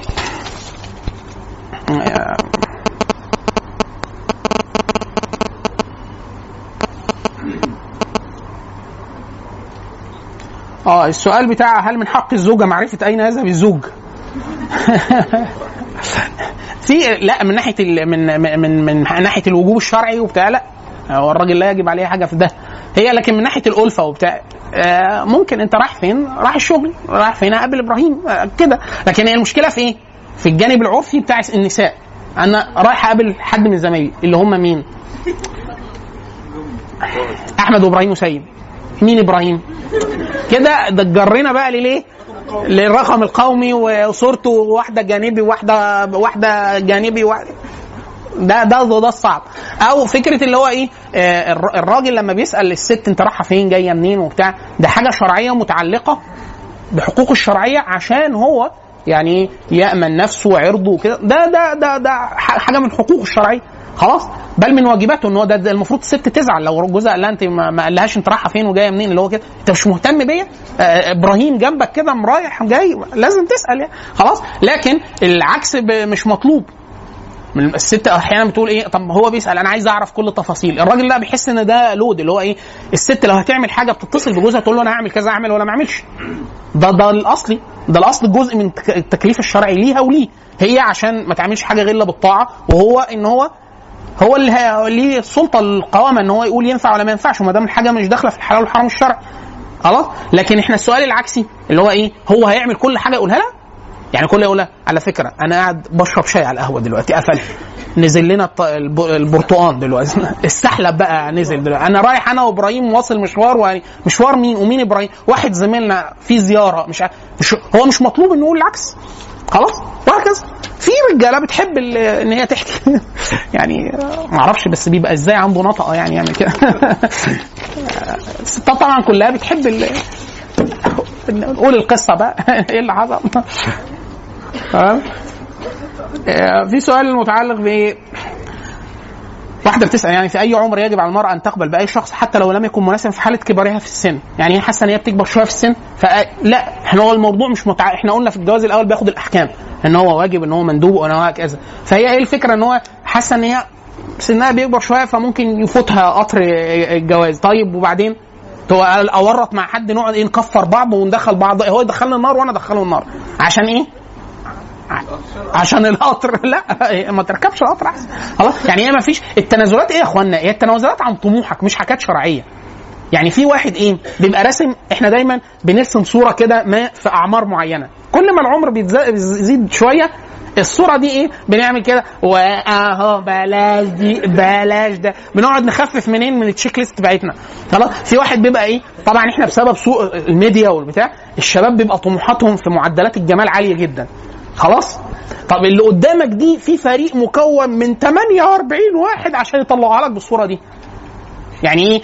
آه يعني عشان الس... واحد يقول لك إيه؟ ما هو الستات كلهم حلوين. يا ابني اللي بتتفرج عليهم دول models models يعني إيه؟ يعني في team كامل. أحيانا ال team ده بيوصل 50 واحد و100 واحد عشان يطلع لك بالصورة دي. ناس متعلقة بس مجرد شعرها وحواجبها وعينيها وبتاع. في حد لون الجلد درجة الجلد آه، ملمس الجلد كل ده شغال عليه تيم كامل. أنت بتتصور إيه؟ انت عايز تتجوز واحدة زي كده اجيبها لك منين دي يا اخويا؟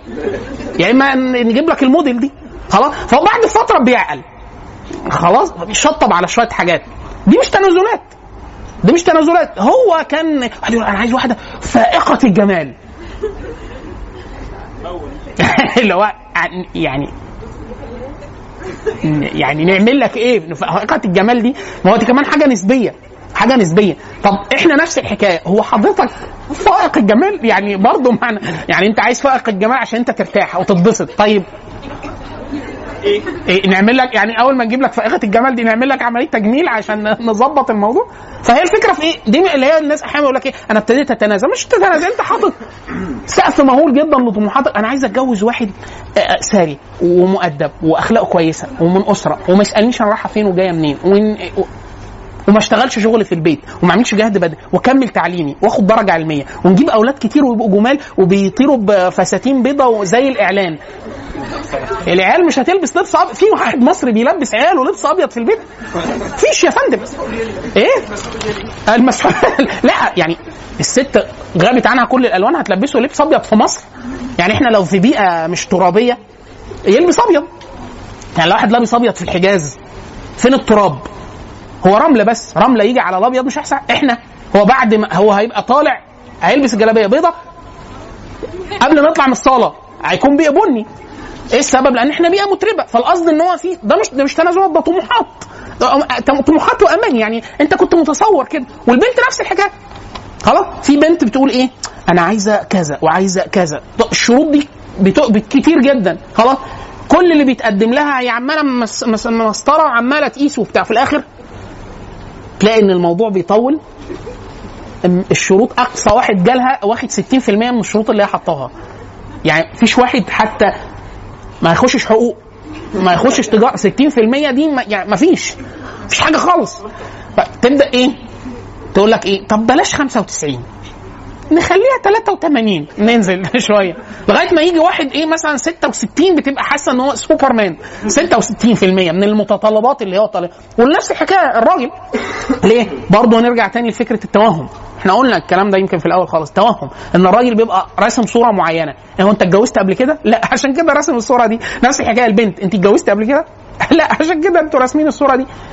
يعني فين الحياة اللي الست فيها مش هتشتغل وتبذل مجهود بدني ضخم وأكل وشرب وطبيخ ومشاكل مادية والسقف الاقتصادي العام بتاع البلد.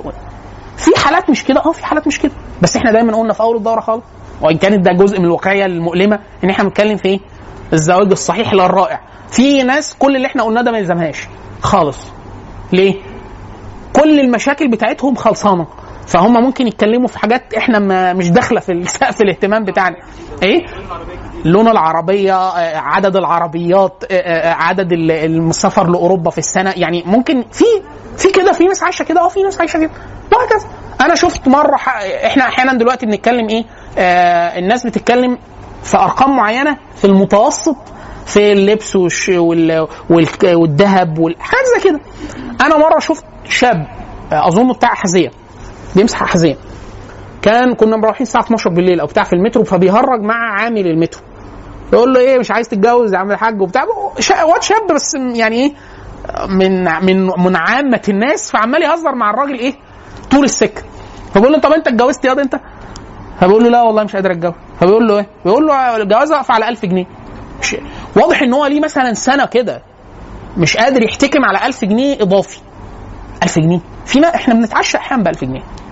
لما يكونوا مجموعة 10 طالعين خمسة طالعين ممكن فعلا لو حسبوا العشاء بتاعهم يطلع ب 1000 جنيه. ده عند مستوى معين. في ناس ال 1000 جنيه ده راتب خمس شهور وأربع شهور وثلاث شهور. في ناس 1000 جنيه ده آه، ثمن الس- الساعة الساعة بتاعته اللي بياخدها في الشغل لو حسب الساعة بتاعته. ففي كده وفي كده.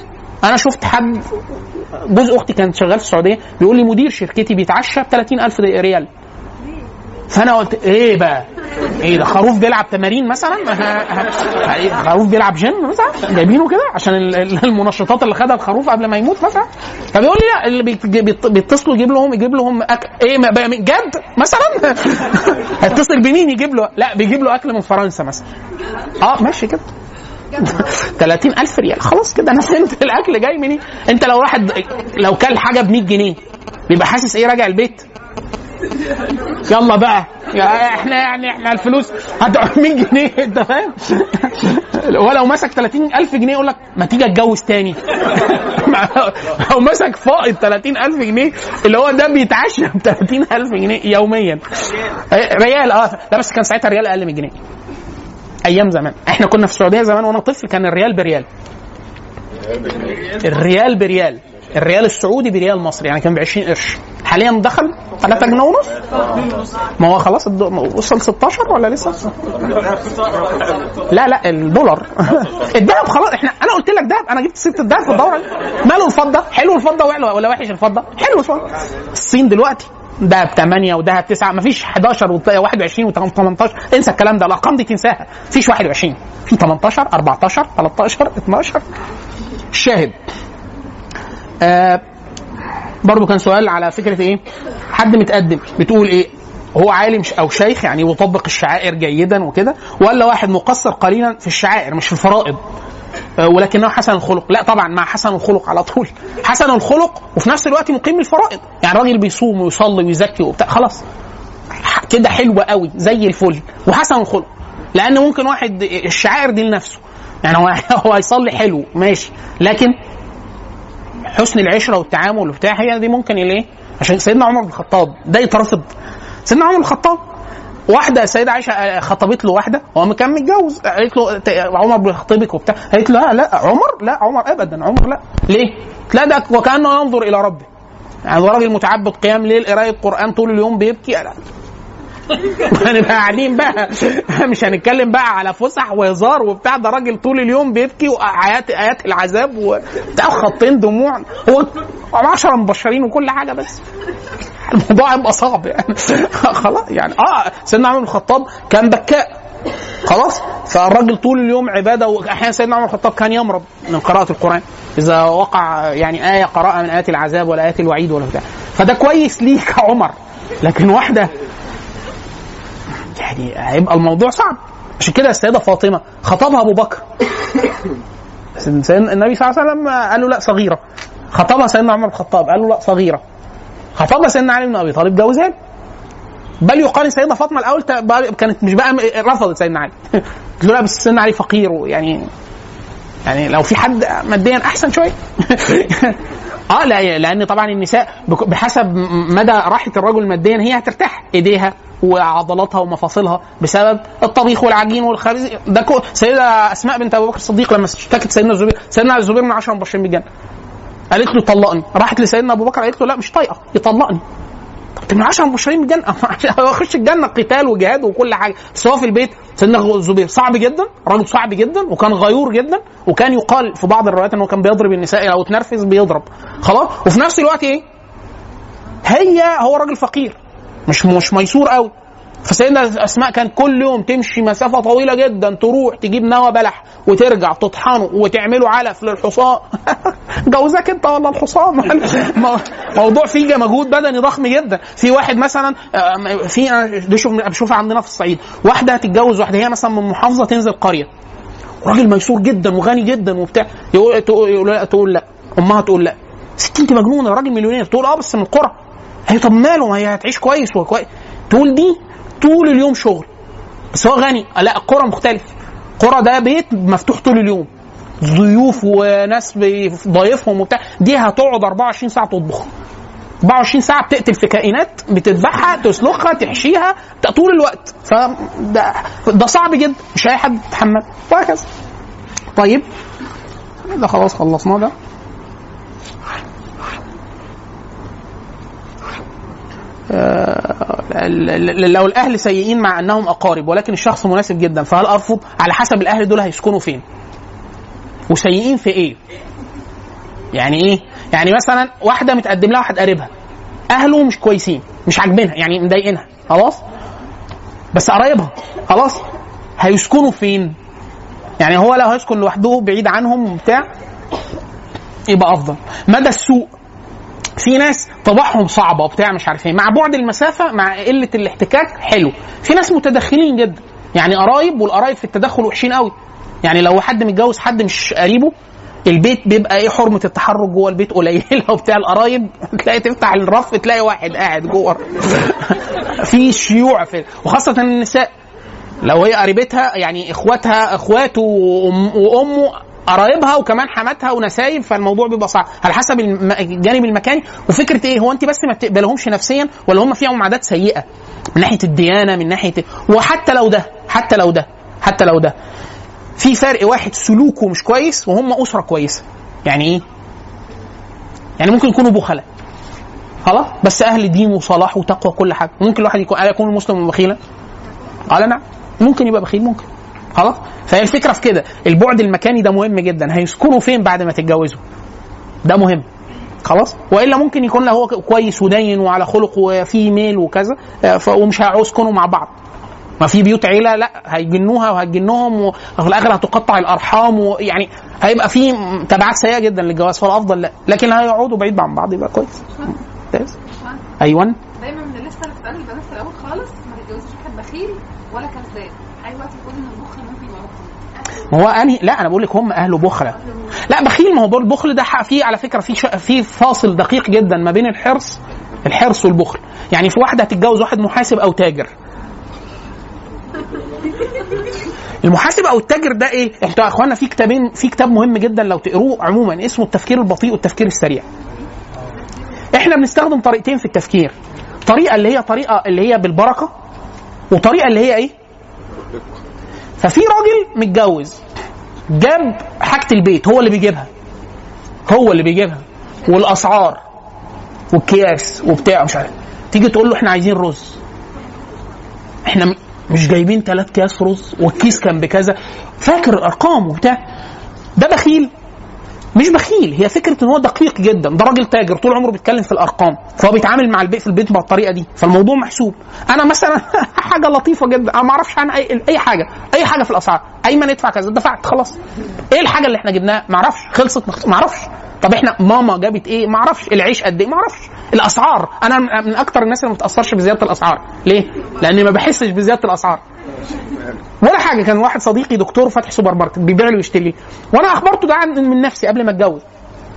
بقى كل يوم أجي أسأله حاجة بجيبها منه. كنت بروح أجيب أقول له هات كذا هات شاي باكو شاي كبير هات كذا. وأجي أقول له كام؟ لا بنحفظ بقى. أقول له لا. أنا قلت له آه دي مثلا جزء من طواعي. يعني مش ممكن. الحاجة الوحيدة اللي أعرف ثمنها الكتب. الحاجة الوحيدة اللي أعرف ثمنها الكتب. الكتب. لا، خلاص ده أعرف اشتريته كام أو بس بسبب التخصص أو كده. غير كده غير مهتم. أنا مش فكرة إن أنا ما أعرفش أحفظ. لا أنا اللي عايز أحفظ أحفظ. لكن أنا مش مهتم. فانا مش مهتم بحفظ فيقول لي لا احفظه. ده بكذا. فأحيانا كان الحساب يبقى ب 5 جنيه. ادي له 20 جنيه يقول لي لا خلاص كده. فامشي. يضحك. يقول لي خد خد خد. تعال. أقول لي إيه؟ أقول له خد ليك باقي أقول له أنا ما أعرفش. والله لو مشيتني همشي. أنا فعلا ما أعرفش. ففي واحد هل أنا كريم؟ ملهاش دعوة بعلاقه بالكرم. أنا غير مبالي بالمسألة دي. في واحد بيبقى دقيق بس مش بخيل. في واحد بخيل. بخيل بقى يعني. يعني مع القدرة. عارف اللي هو إيه؟ منع ما لا يغنيه؟ يعني حاجة مش هتفرق معاك حاجة ومش ضغط على البيت ومش حاجة في التوسعه يعني. بس دي جزء إيه؟ في واحد. لكن البخل اللي هو إيه؟ يعني مقتر على البيت وبتاع ده ده هيبقى مشكلة. وخاصة إن هو البخل أحيانا ممكن يعرض لشيء تربوي. يعني في مثلا أب وميسور الأم بتقرأ كويس وبتاع وتطلع فتقول لك عايزين نودي الولاد يلعبوا رياضة أو يتدربوا سباحة. نر- يقول لك الله أكبر. ليه بقى؟ لاقيين كنز. هو باصص لده إيه؟ إن نفقة مالية إضافية في واحد شايف كده. واحدة تقول له أنا هجيب كتاب هشتري كتاب علم وبتاع. هو شايف إن ده نوع من البذخ والسفه. مثلا خلاص؟ وهكذا. فالقصد إن هي إيه؟ في شعرة ما بين ما بين آه، البخل. وما بين الدقة وما بين يعني وحتى في الآخر لو طلع بخيل وكل سجايا كويسة كل لو هي هتقدر تتعامل مع الخصلة دي آه، آه، وصية النبي للسيده هند لما قالت له قالت لها سيدة أبو سفيان بخيل نعمل إيه؟ لا مش تسرقه تاخد من ماله بالمعروف يعني إيه؟ حاجة هتصرف على البيت. هنجيب مكرونة ما تجيبش مكرونة؟ نجيب مكرونة. مكرونة ورز والعيال ياخدوا دروس ويشتروا بامبرز فهو كده بشكل اللي حضرتك عليه بيتكلم على إيه؟ التفكير البطيء والتفكير السريع اللي هو ان إن هيخليكي تفهمي إحنا بنفكر إزاي. إن في ناس عشان بتفكر دايما بال- بالتفكير السريع فكل حاجة إيه آه، هات 100 جنيه خد 100 جنيه. في حد يقول لك هات 100 ليه هتجيبي إيه؟ تقول له كذا وكذا كذا. يقول لك بس دول ب 82 ليه؟ ده التفكير إيه بقى؟ البطيء اللي هو اديتك ورق. في ناس طول الوقت بتفكر تفكير بطيء. التفكير اللي هو نتيجة التفكير البطيء اللي هو دقيق ومحسوب بالأرقام. عارفة لما واحد يقول لك إيه آه، الكتاب ده ب 98 يعني 100 ده التفكير إيه؟ سريع. يعني 100 لو اللي هو ب 97 و ده تفكير بطيء. في تخيل لو طول الوقت حد بيحاسبك بالطريقة دي. لو واحد بيحاسب مراته في النظافة ال- المنزلية ولا بتاع بالتفكير اللي هو إيه؟ بالدقيق. في رزة الحتة دي ما اتكنستش بتاع. هيطلع عينيك. خلاص في حد بال... بالوسع يعني. وهكذا. ده طبعة آه، هنداوي. دار هنداوي كلمات كلمات كلمات. وموجود بديف. كلمات أو هنداوي بيرفعوا كل كتبهم بديف. هو الدار نفسها. بترفع كل كتبها بديف. ده من أكبر دور النشر في مصر على الإطلاق. من أهم الدور اللي بتترجم في مصر. هنداوي. يمكن صاحبها أظن لحظة. طيب كده أنا كده عشان بطمن إن أنا معظم الأسئلة اللي كانت جات لي أكون إيه؟ خلصتها. طيب اتفضلي. الأخت اللي كانت بتسأل كنت بسأل بس عن لو واحدة مثلا مهتمة جدا بطلب العلم أو يعني مثلا متخصصة والرياضة واللغات وكل المجالات وكده وعندها نقص طلب علم معينة يعني فاحنا دلوقتي يعني الشباب همتهم طلب العلم غير البنات يعني أي مثلا محاضرة أو كورس لازم تلاقي البنات أكتر لا البنات عشان الفضا برضو يعني هم وراهم شغل وعايزين يحوشوا عشان يتجوزوا. بتاع أنت صحيح آه،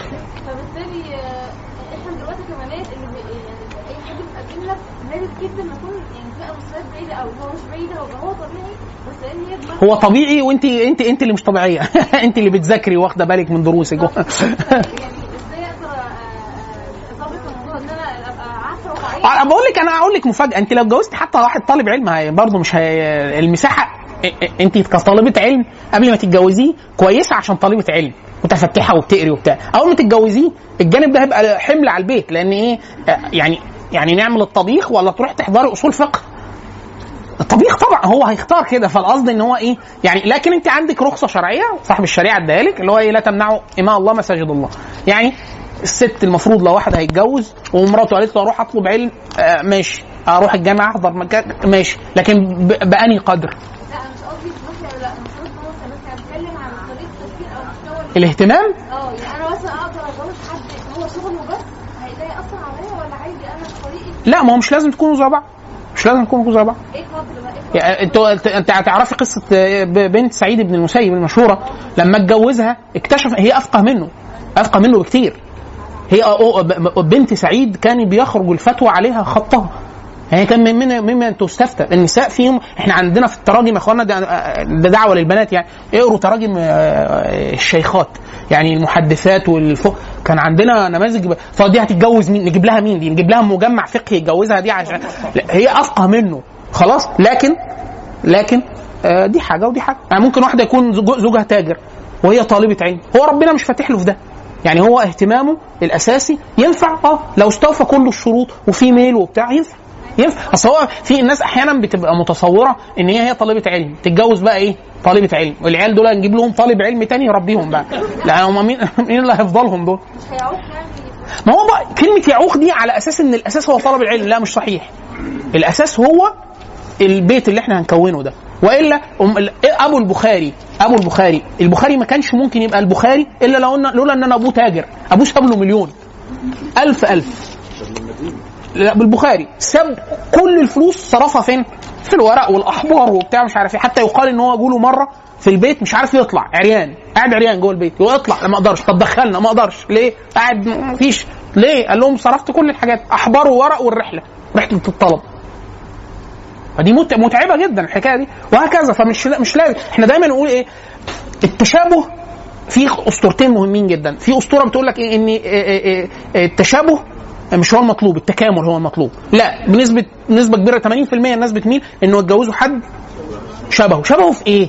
يعني تخيل واحدة بتحب النظام واتجوزت واحد ما بيحبش النظام. هتنتحر. هي هتتجنن. ليه؟ هي هي قعدت وقت وعملت الفوطة بطريقة معينة. وهو خد الفوطة ورمى ورمى الشراب في الصالة والمش عارف إيه ودخل وما استحماش ونام. اللي هو أو العكس. هو منظم جدا ومراته يعني صباح صباح الخير صباح. موضوع واسع شوية. هو هتجنن. فدايما الناس فطريا يا اخوانا دي حتى الإحصاء بتقول كده إن الناس بتميل إن هي يتجوزوا مع ناس متوافقين معاهم في الميول. في الزواج في في الترتيب في حب النظام في في رؤيتهم للأشياء في الم... في رؤيتهم. إيه البذخ إيه اللي مش بذخ وبتاع؟ يعني تخيلوا مثلا إيه واحد جاد جدا جدا حياته بتاع شغل وبتاع مش عارف إيه. مراته دي بتحب الهزار والفسح وبتاع مش عارف إيه. مش هيمشوا مع بعض قوي ليه؟ هي بالنسبة لها الجواز ده سجن. والعكس بالعكس. تخيلوا واحد إيه واحد بيحب الحركة والسفر ومراته بتقول له لا أنا ما إيه أنا بحب أعمل واحد اثنين ثلاثة أربعة وهكذا. فالإنسان بيميل إن هو إيه؟ لحد يكون شبهه بس مش شبهه في كل حاجة في كل حاجة. يعني شبهه في الحاجات اللي هي زي كده زي النظام وتعريف والنظافة العامة وبتاع تخيلوا واحد منظف جد نظيف جدا لدرجة ال- التدقيق. والستات في الغالب لما يعرض لهم طول الوقت هم اخف أكثر تخففا في حاجات نظافة الأطفال من الرجالة. ليه؟ الراجل بيشوف حلقة أو حالتين الست قاعدة مع العيل طول اليوم هو مش فاضي غير إن هو أصلا ياكل ويعمل كيكي ما بيعملش العيل طول اليوم بيعمل كده. طول فالراجل حاله واحدة شايفها الست فبتبقى معدلات إيه؟ لأنه هو مش هيقعد كده نظيف هو ربع ساعة وهي وهيت... وهتغسل له بقه وهكذا. تخيل لو إحنا الاثنين بعاد قوي عن بعض. في حد فيهم هيجن التاني. أكيد. هو شايف إن هي بتدمر الولد وهي شايفاه إن هو جاي لها من معمل تحاليل طبية. حاجة كده. وهكذا. فهي فكرة ال... يكونوا قريبين من بعض مش لازم يكونوا الاثنين طلبة علم على فكرة. ده وبالعكس ده أنا بقول لك هيطلعوا عين بعض. ليه؟ هي أصلا هتكون دماغها كويسة وبتاع. هو الراجل هيجي يقول لها إيه اعملي كذا. هو بقى مذاكر شوية بتاع هتقول له لا أصل في رأي تاني والشافعيه قالوا كذا وأنا واخدة برأي الشافعية بقى. وطلعوا كتب كل شوية هنقعد ثلاث ساعات كل يوم بنناقش القضايا الفقهية فاتحين كتب أصول الفقه قدام بعض. خلاص مش هيغ... هي... هيطلعوا عينين بعض يعني. مش كده كان حد من المشايخ زمان كان بيدرسها يقول لك إيه؟ أوعى. أوعى. واحدة حافظة القرآن كويس أحكام تجويد لغة عربية. بس. ليه يا شيخ؟ أكتر من كده هتوجع قلبك. ليه؟ يقول لك مناقشات بقى. وتقول هات لي الدليل العقلي بتاع المسألة. إخوانا حد يصلي صلوا على النبي عايزين أقول الكلمة ما تناقش. هي طول اليوم قاعدة في في حلقة بحث علمي. خلاص؟ فيقول لك أنا عايز واحدة كده على الفطرة غلبان زي أمي. ماما أقول لها أي حاجة تمشي معاها. ابن القيم كان أيام الصحابة. خلاص مشيت. مش هتدقق معايا. ومش هتقف معايا على معلومات كتيرة. يعني انت أنتوا فاهمين؟ امي حياة زمان الله يمسيها بالخير. ابتديت ألتزم يا ربي. ده قالت لي أيمن الكتب أنت بتجيب كتب كتير اوعى يكون في الكتب دي في حد مطلوب امنيا ولا بتاع؟ فأبويا ابتسم ابتسامة كده اللي هو عارف حرص الأمهات اللي هو ملوش أي إجابة يعني. سؤال أكيد مش هسلم نفسي أقول لها إن حاجات خطيرة مثلا أو حاجات كده. اللي هو إجابة أم مصرية يعني سؤال أم مصرية. قلت لها في يا ماما. سبت الأكل. طب إحنا هنعمل إيه دلوقتي؟ زي يعني دخلت في المود على طول. اكنها إن أنا اتبلغت خلاص والأمن جاي ياخدني. قالت زي مين يعني؟ أول ما قالت كده أنا من جواها هموت على روحي من الضحك اللي هو إيه لو قلت لها أي اسم يعني هتعرف. كان مهرج أنا كل الكتب اللي كانت معايا ساعتها تراثية يعني مش وبابا مشاهد المنظر طبعا وعارف عارف مراته يعني. قلت لها ابن القيم. قالت طيب نعمل إيه بقى ابن القيم مش مطلوب مش مطلوب. مات قبل ما اسسوا جهاز أمن الدولة ب 800 سنة على الأقل. حاجة كده يعني. الشاهد يعني. ان يعني نصيحة للرجالة يعني إيه؟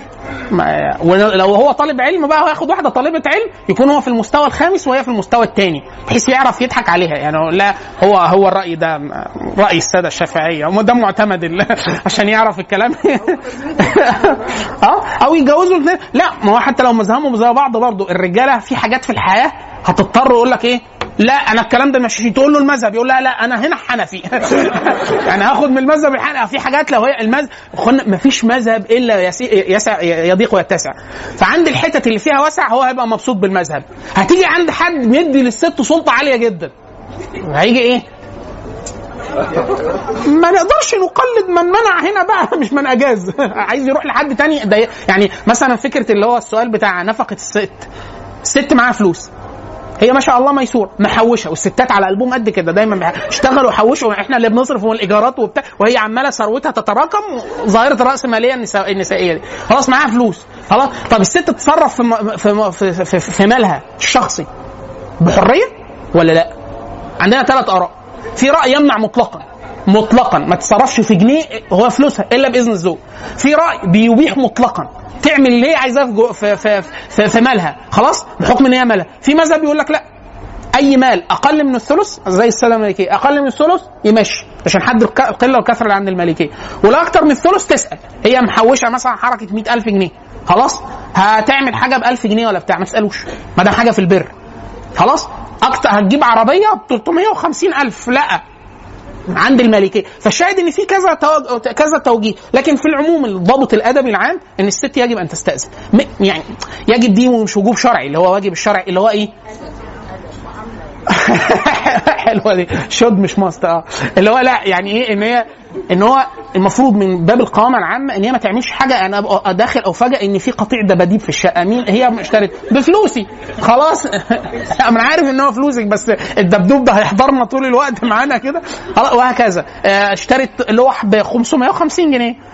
لوح عليه تحب الرسم آه، لوح الزيت. ومعاها فلوس. أعمل إيه؟ وهكذا فالقصد ان إحنا بنقول إيه؟ يفضل عشان بيعمل مشاكل زوجية.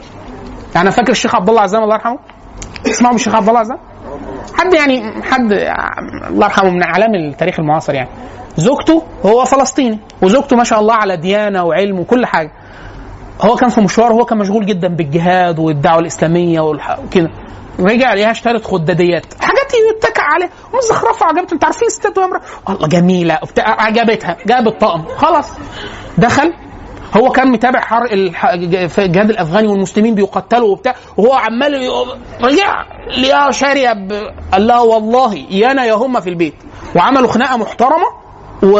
ومشيته وهي هتموت طب طب بتعمل إيه؟ طب ابيعهم هخسر فيهم مش عارف إيه وبتاع لكن الشاهد فكرة إيه؟ هو طب هي جابتها من فلوسها مش ما حصلش حاجة بس لو سألته كان هيبقى إيه؟ بس هو يجي يقول لها إيه؟ هيقول لها لا كفعل عائشة مع النبي صلى الله عليه وسلم. حديث آه، النبي صلى الله عليه وسلم لما دخل فريق السيده عائشة حاطة إيه؟ عارفين الستات؟ آه، غير حديث التصاوير. يعني الستات بيميلوا للحاجات اللي إحنا بنعتبرها كرجالة ملهاش أي قيمة. يعني بس هي مهمة طبعا عندكم وبتاع.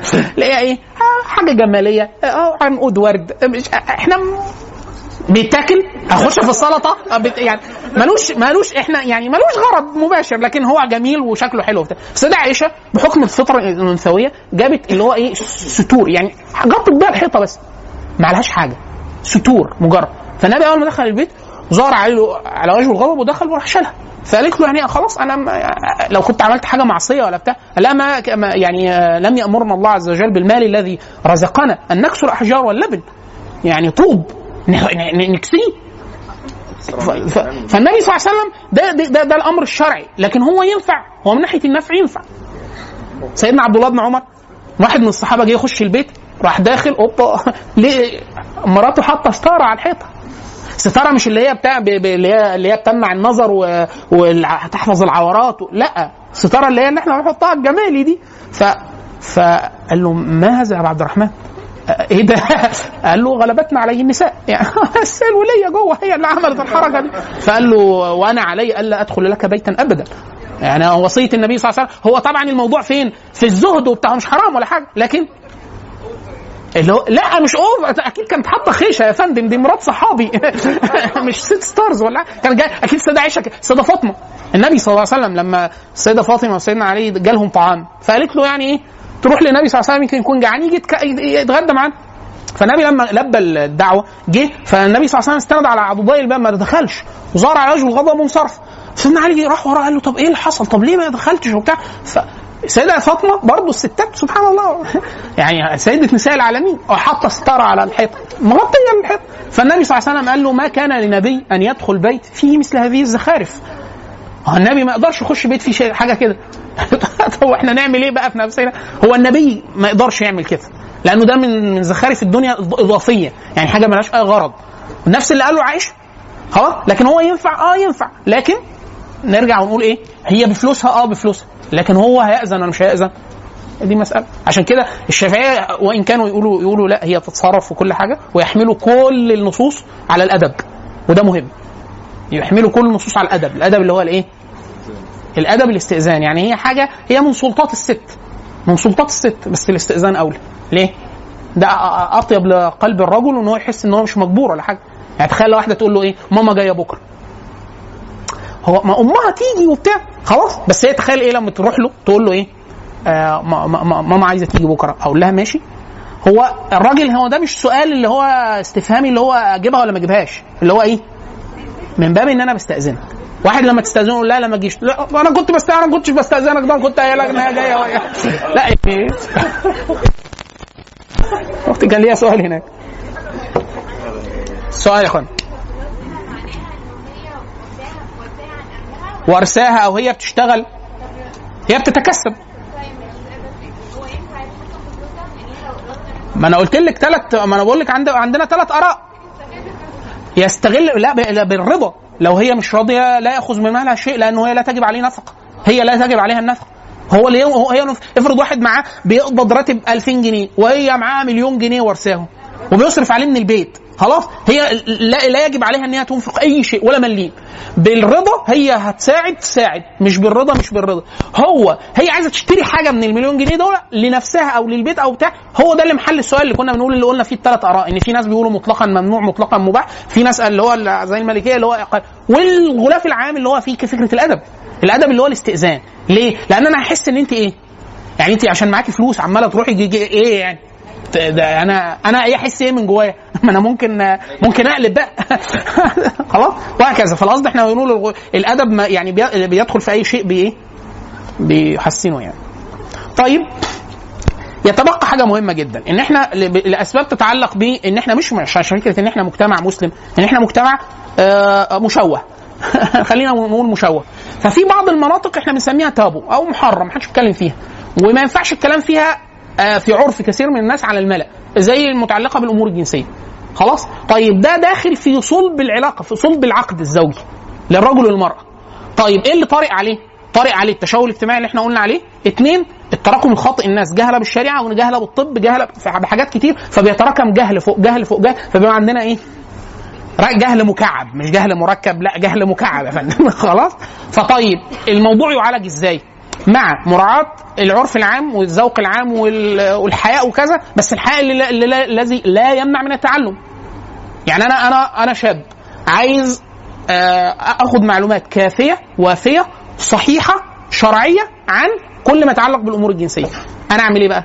في حاجات هتدرسها في الجانب الفقهي. خلاص الجانب الفقهي اداك حاجة كويسة متعلقة بده. لكن في جانب طبي جانب آه، طبي جانب تشريحي لا عايز تفهمه. خلاص؟ في معلومات مغلوطة بشكل 90% جاية لك من رافد من الأفلام أفلام العامة حتى أفلام السينما. خلاص؟ أفلام السينما العامة المواد الإباحية اللي بيتعرض لها الإنسان أحيانا ب... ب... إما بإرادته أو بغير إرادته. المهم في الآخر متكون عنده كم؟ وفي أحيانا بقى اللي هو الثقافة العامة اللي بيسموه علم ال- العلم الطبي الشعبي. آه اللي هو إيه؟ مجموعة شباب في ثانوي بيبقوا قاعدين كلهم ما اتجوزوش كلهم ما عندهمش أي خبرة عن أي حاجة أقول له لا بص الموضوع أنا أفهمك. تفهمه إيه؟ ما فاهمش أنت مش فاهم. أو بنات.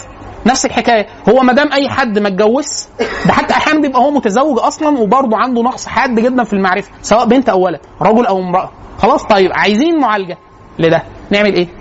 عايزين نقرأ مادة مضموضه مضمونة كويسة يعني فيها قدر علمي كويس وفي نفس الوقت تحافظ على إن هي إيه؟ آه الحياء وكذا. طيب عندنا في في كتاب لطيف جدا. لو بالذات لحد ولد أو بنت سنهم صغير جدا. يعني لسه ثانوي وطالع في أوائل الجامعة. في كتاب اسمه بلوغ بلا خجل. بلوغ بلا خجل بتاع أكرم رضا. كويس.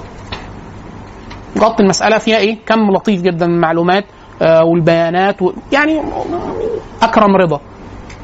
لطيف. اكرم رضا ليه ليه انتاج كبير جدا في في في حاجات متعلقة بالبيوت كيفية إدارة البيت الإدارة المالية للبيوت بدون مشاكل لأن دي بيبقى فيها خناقة كبيرة جدا. لو ما فيش طريقة توافق ما بيحصل فيها خناقات كبيرة جدا. خلاص؟ فكان ليه برضو كتاب عن إدارة بيت بلا أزمات مالية وحاجات زي كده؟ أكرم رضا ليه كذا كتاب في ده. لكن في ليه كتاب اسمه بلوغ بلا خجل كويس لطيف في ده. آه كريم الشاذلي. كريم الشاذلي ليه كتاب اسمه آه جرعات جر- جرعات من الحب. جرعات من الحب. في برضه متعرض للمسألة الجنسية برضه بشكل إيه؟ بشكل لطيف وبسيط ووافي يعني. آه، دكتور اسمه إيه؟ المؤلف كريم الشاذلي. هو ده مدرب البشرية؟ آه، أنا ما أعرفش الشخص. أنا ما أعرفش الشخص. أنا ما أعرفش الشخص. أنا اعرف آه، أعرف العنوان آه، بسبب أخونا محمد آه، محمد شرف. محمد شرف الدين ليه كتاب ممتاز جدا اسمه الرباط المقدس. ممكن تبدأوا بيه. الرباط المقدس. محمد شرف الدين شخصيه آه، يعني صديقي يعني. راجل آه، خ- خبرته في الحياة العملية ممتازة آه، وهو في نفس الوقت متزوج. يعني أصل في أحيانا ممكن واحد إيه هيتكلم عن الجواز وهو مش متجوز. طب توصف إيه؟ ما أنت فيش حاجة أصلا مش في ذهنك. يعني كل تصوراتك أصلا أكاديمية يعني. لكن هو محمد جا... الكتاب بتاعه أنا في رأيي الشخصي كتاب لطيف جدا جدا جدا. يعني هتبداوا بالترتيب. الرباط المقدس بتاع بتاع محمد شرف وبالترتيب كده كريم الشاذلي وبعد كده آه، خليل فاضل اللي هو كتاب آه، بتاع الجنس أزواج وزوجات وأمور أخرى. اسم الكتاب كده. وبينقل عنهم كتير محمد شرف في الرباط المقدس. فاضل فاضل. دول مستوفين جدا للموضوع. ليه؟ لأنه أحيانا الشرح ممكن يكون شرح طبي. يعني حد ممكن بنت تكون خريجة طب أو راجل خريج طب. فمعلوماته الطبية وفيه إحنا ما بنتكلمش عن طب يعني ما بنتكلمش عن جانب بدني عضوي سايكو... آه، بيولوجي فقط. إحنا بنتكلم عن الجانب العاطفي. الجانب السيكولوجي النفسي الجانب المتعلق بالخبرة العامة الخبرة الحياتية العامة المتراكمه لبني الناس. في جانب شرعي مهم برضو الناس لازم تعرفه. خلاص؟ بل كم الأحاديث المذكورة في مراعاة أداب العملية الجنسية كتير جدا. كتير كثرة كاثره وهذا مهم جدا فكرة التفريق ما بين الحياء المذموم أو مش هو مش حياء على الحقيقة. يعني هو فكرة إيه؟ لا يمنع الحياء الحقيقي من الطلب العلم الصح- الصحابيات اللي كانوا بيجوا يسألوا النبي صلى الله عليه وسلم في مسائل الطهارة والحيض والنفاس والمسائل الجنسية. فكان النبي صلى الله عليه وسلم يجيب بقدر. حتى في أحيان النبي صلى الله عليه وسلم السائلة كانت تتج... السؤال تسأل إجابة زيادة فالنبي صلى الله عليه وسلم يتوقف عند المساحة إيه؟ يعني في مساحة تقال على الملأ وفي المج... في المجال العام، إحنا لما حضراتكم تيجوا تد... تيجوا تدرسوا فقه أو درستوا فقه تيجوا عند الأبواب المتعلقة بالطهارة وال كلام بيقال على الملأ ويكون في رجال ونساء في المجلس. ليه؟ إحنا بنتكلم في حاجة الله عز وجل ذكرها في كتابه. فبيتلوها الناس في المحاريب في المساجد. مسائل متعلقة بالحيض والنفاس والطهارة والجنابة والغسل والجماع. طب صاحب الشريعة قال كده. لكن إحنا بنقول إيه؟ بنقول إن في ضابط عام اللي هو إيه؟ في مسائل أكثر دقة ممكن يتم التعرض بها بشكل إيه؟ بشكل شخصي بس مع ضمان إن المادة المقدمة مادة صحيحة وما فيهاش إيه؟ ما فيهاش يعني إما لأنه في أحيانا بيبقى الناس عندها تصورات مبالغ فيها في أشياء كثيرة جدا متعلقة بأمور الزواج كلها خاطئة أو مؤذية للطرف الآخر وهو مش عارف إن كل اللي واخد المعلومات اللي هو مستقى دي من مصدر مش مظبوط وفي نفس الوقت مش دقيق. طيب؟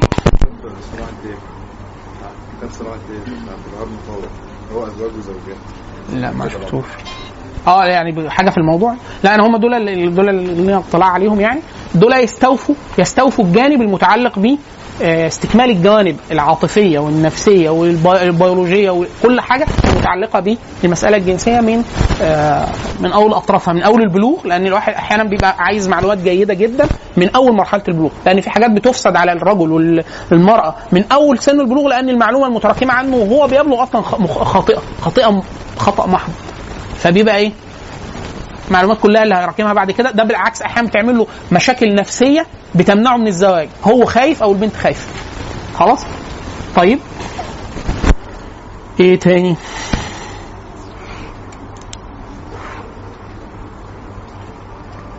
آه، تنظيم مصروفات البيت ده عايز آه، عايز اتفاق. عايز اتفاق دقيق. اتفاق دقيق يعني لا ما يوصلش لدرجة إن الاثنين بيحاسبوا بعض على محل في آخر اليوم. 10 دقايق كويس؟ هو مين معانا؟ مين ورانا؟ آه، عنده؟ يبدأ من الساعة كام؟ بيبدأ من الساعة 6 ونص ستة ونص. ليه؟ كنا هنعمل offer إن يعملوا لنا shortcut نطلع بره القاعة. طيب ماشي. ماشي. 10 دقايق إن شاء الله آه آه، فالتنظيم آه تنظيم المصروفات ده على حسب الاتفاق. ليه أنا بقول على حسب الاتفاق؟ في ناس آه يسعهم يسعهم التعامل بالمعروف والسعة. المعروف والسعة يعني إيه؟ يعني أنا زمان وإحنا وأنا مغترب آه طول عمرنا ساكنين آه عزاب. فدول قاعدين إحنا في. آه، دي شقة. مين هيشتري الأكل؟ مين هيشتري الفلوس؟ بحساب مين؟ لما هنيجي ناكل الأكل ده اللي هناكله أكل مين؟ وكل واحد جايب أكل لنفسه ومش أكل للمجموع وهكذا. ففي أحيانا شقق أنا شفتها وسكنت مع ناس من كده في لستة قائمة كل حاجة بكام المدفوعات المصاريف كل حاجة مكتوبة إيه والناس مش زعلانة. في حد لما يجي يسكن في حاجة زي كده يقول لك لا يا عم إيه ده؟ أنا أقول لفلان هات كذا عشان هنجيب أكل وبتاع اللي ياكل ياكل ويشرب يشرب. الموضوع بإيه؟ بالساعة. هو جاي من بيئة الموضوع فيها تعامل إيه؟ بالساعة. وفي حد جاي يقول لك لا أصل إحنا سكننا مع ناس كتير بتستعبط وبتاع فإيه؟ العلاقات الزوجية كده. في ناس يسعهم السعه يعني إيه؟ الدنيا إيه؟ ماشية. الراجل في الغالب قايم بمعظم وظائفه كما ينبغي ولو في حاجة الست بتكمل وإيه؟ بال... في بالمعروف والتراضي ولو ليها فلوس هتاخدها دفعتها هتاخدها وهكذا. في كده. وتقوم حياتهم كده ولو اتغير الموضوع يفسد ليه؟ طبيعته وطبيعتها ما ينفعش يتكلموا في حاجات وفي في العكس لو ما اتفقوش الحياة تفسد إيه السبب؟ الست مثلا بتتكسب خلاص طب فين الحد الفاصل ما بين فلوسها وفلوسه؟ فلوسها وفلوس البيت واحتياجات البيت هو أنا أصلا يجب عليا شرعا كست أصرف حاجة؟ لا يجب عليا شرعا إن أديك حاجة؟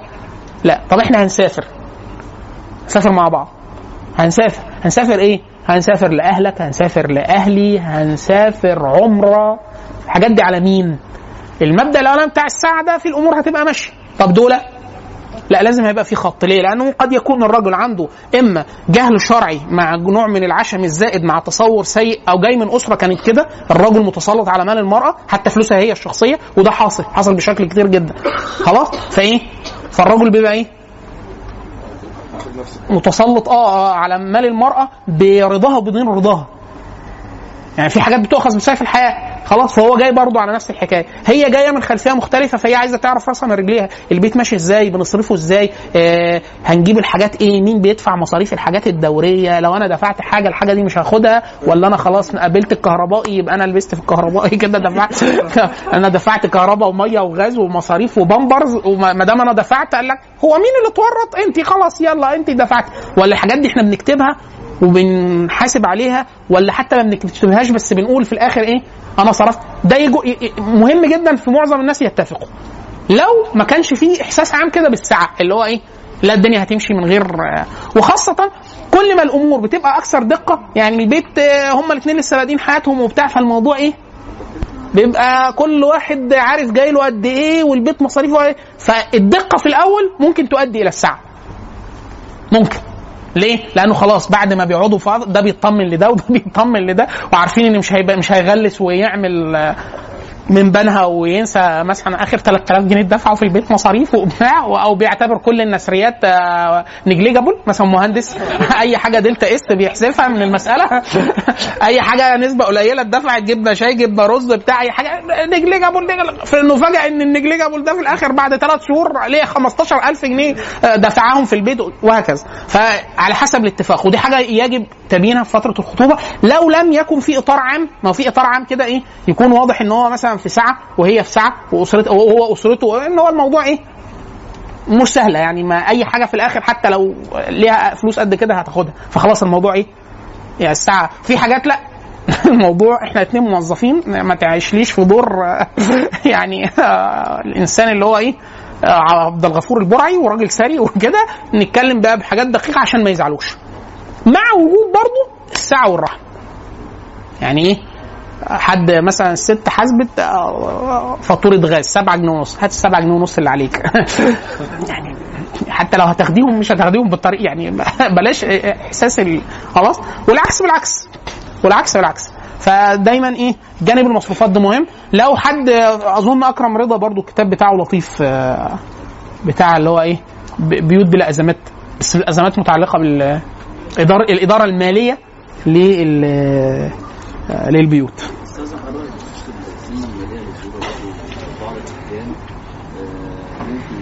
وتطبق باعتبار ان هي بتشتغل الزوج ما بيشتغلش على الماليه بتاعتها يؤثر سلبا على الاطفال باعتبار ان هم اقرب آه. مشرفه شوية في التعامل معاهم ماديا ما هو ده اللي إحنا عشان كده إحنا قلنا بمحيط الأدب في الأول يضبط المسألة إيه؟ سؤال أخونا سؤال مهم. بيقول أنا إيه، راجل وست متجوزين وعامة معظم الناس حاليا إن الراجل والست بيتكسبوا. خلاص؟ بل أحيانا في كثير من الأحيان الست بتتكسب أكتر أو قدرتها الادخارية أعلى. ليه؟ لأن الراجل هيدفع الايجار والكهرباء والمصاريف العيال وبتاع مش عارف إيه. فمعظم الحاجات واجب عليه فهينفق فمش هيتبقى حاجة معاه. وهي هيبقى نسبة الادخار عنده عالي. هي عشان عندها ادخار عالي فمين اللي هيجيب حاجات للأطفال؟ والفسح والدلع والأكل والشرب والحاجات اللي زي كده. برضه إنه بيبقى برضه ليه بعد تاني في نقطه مثلا ان هو ممكن تربوي أو مش عايز يمنع مش عايز يدي الأطفال كل حاجة وبتاع. فعشان كده إحنا بنقول يا اخوانا غلبوا الأدب على الحقوق. غلبوا الأدب على الحقوق. إيه؟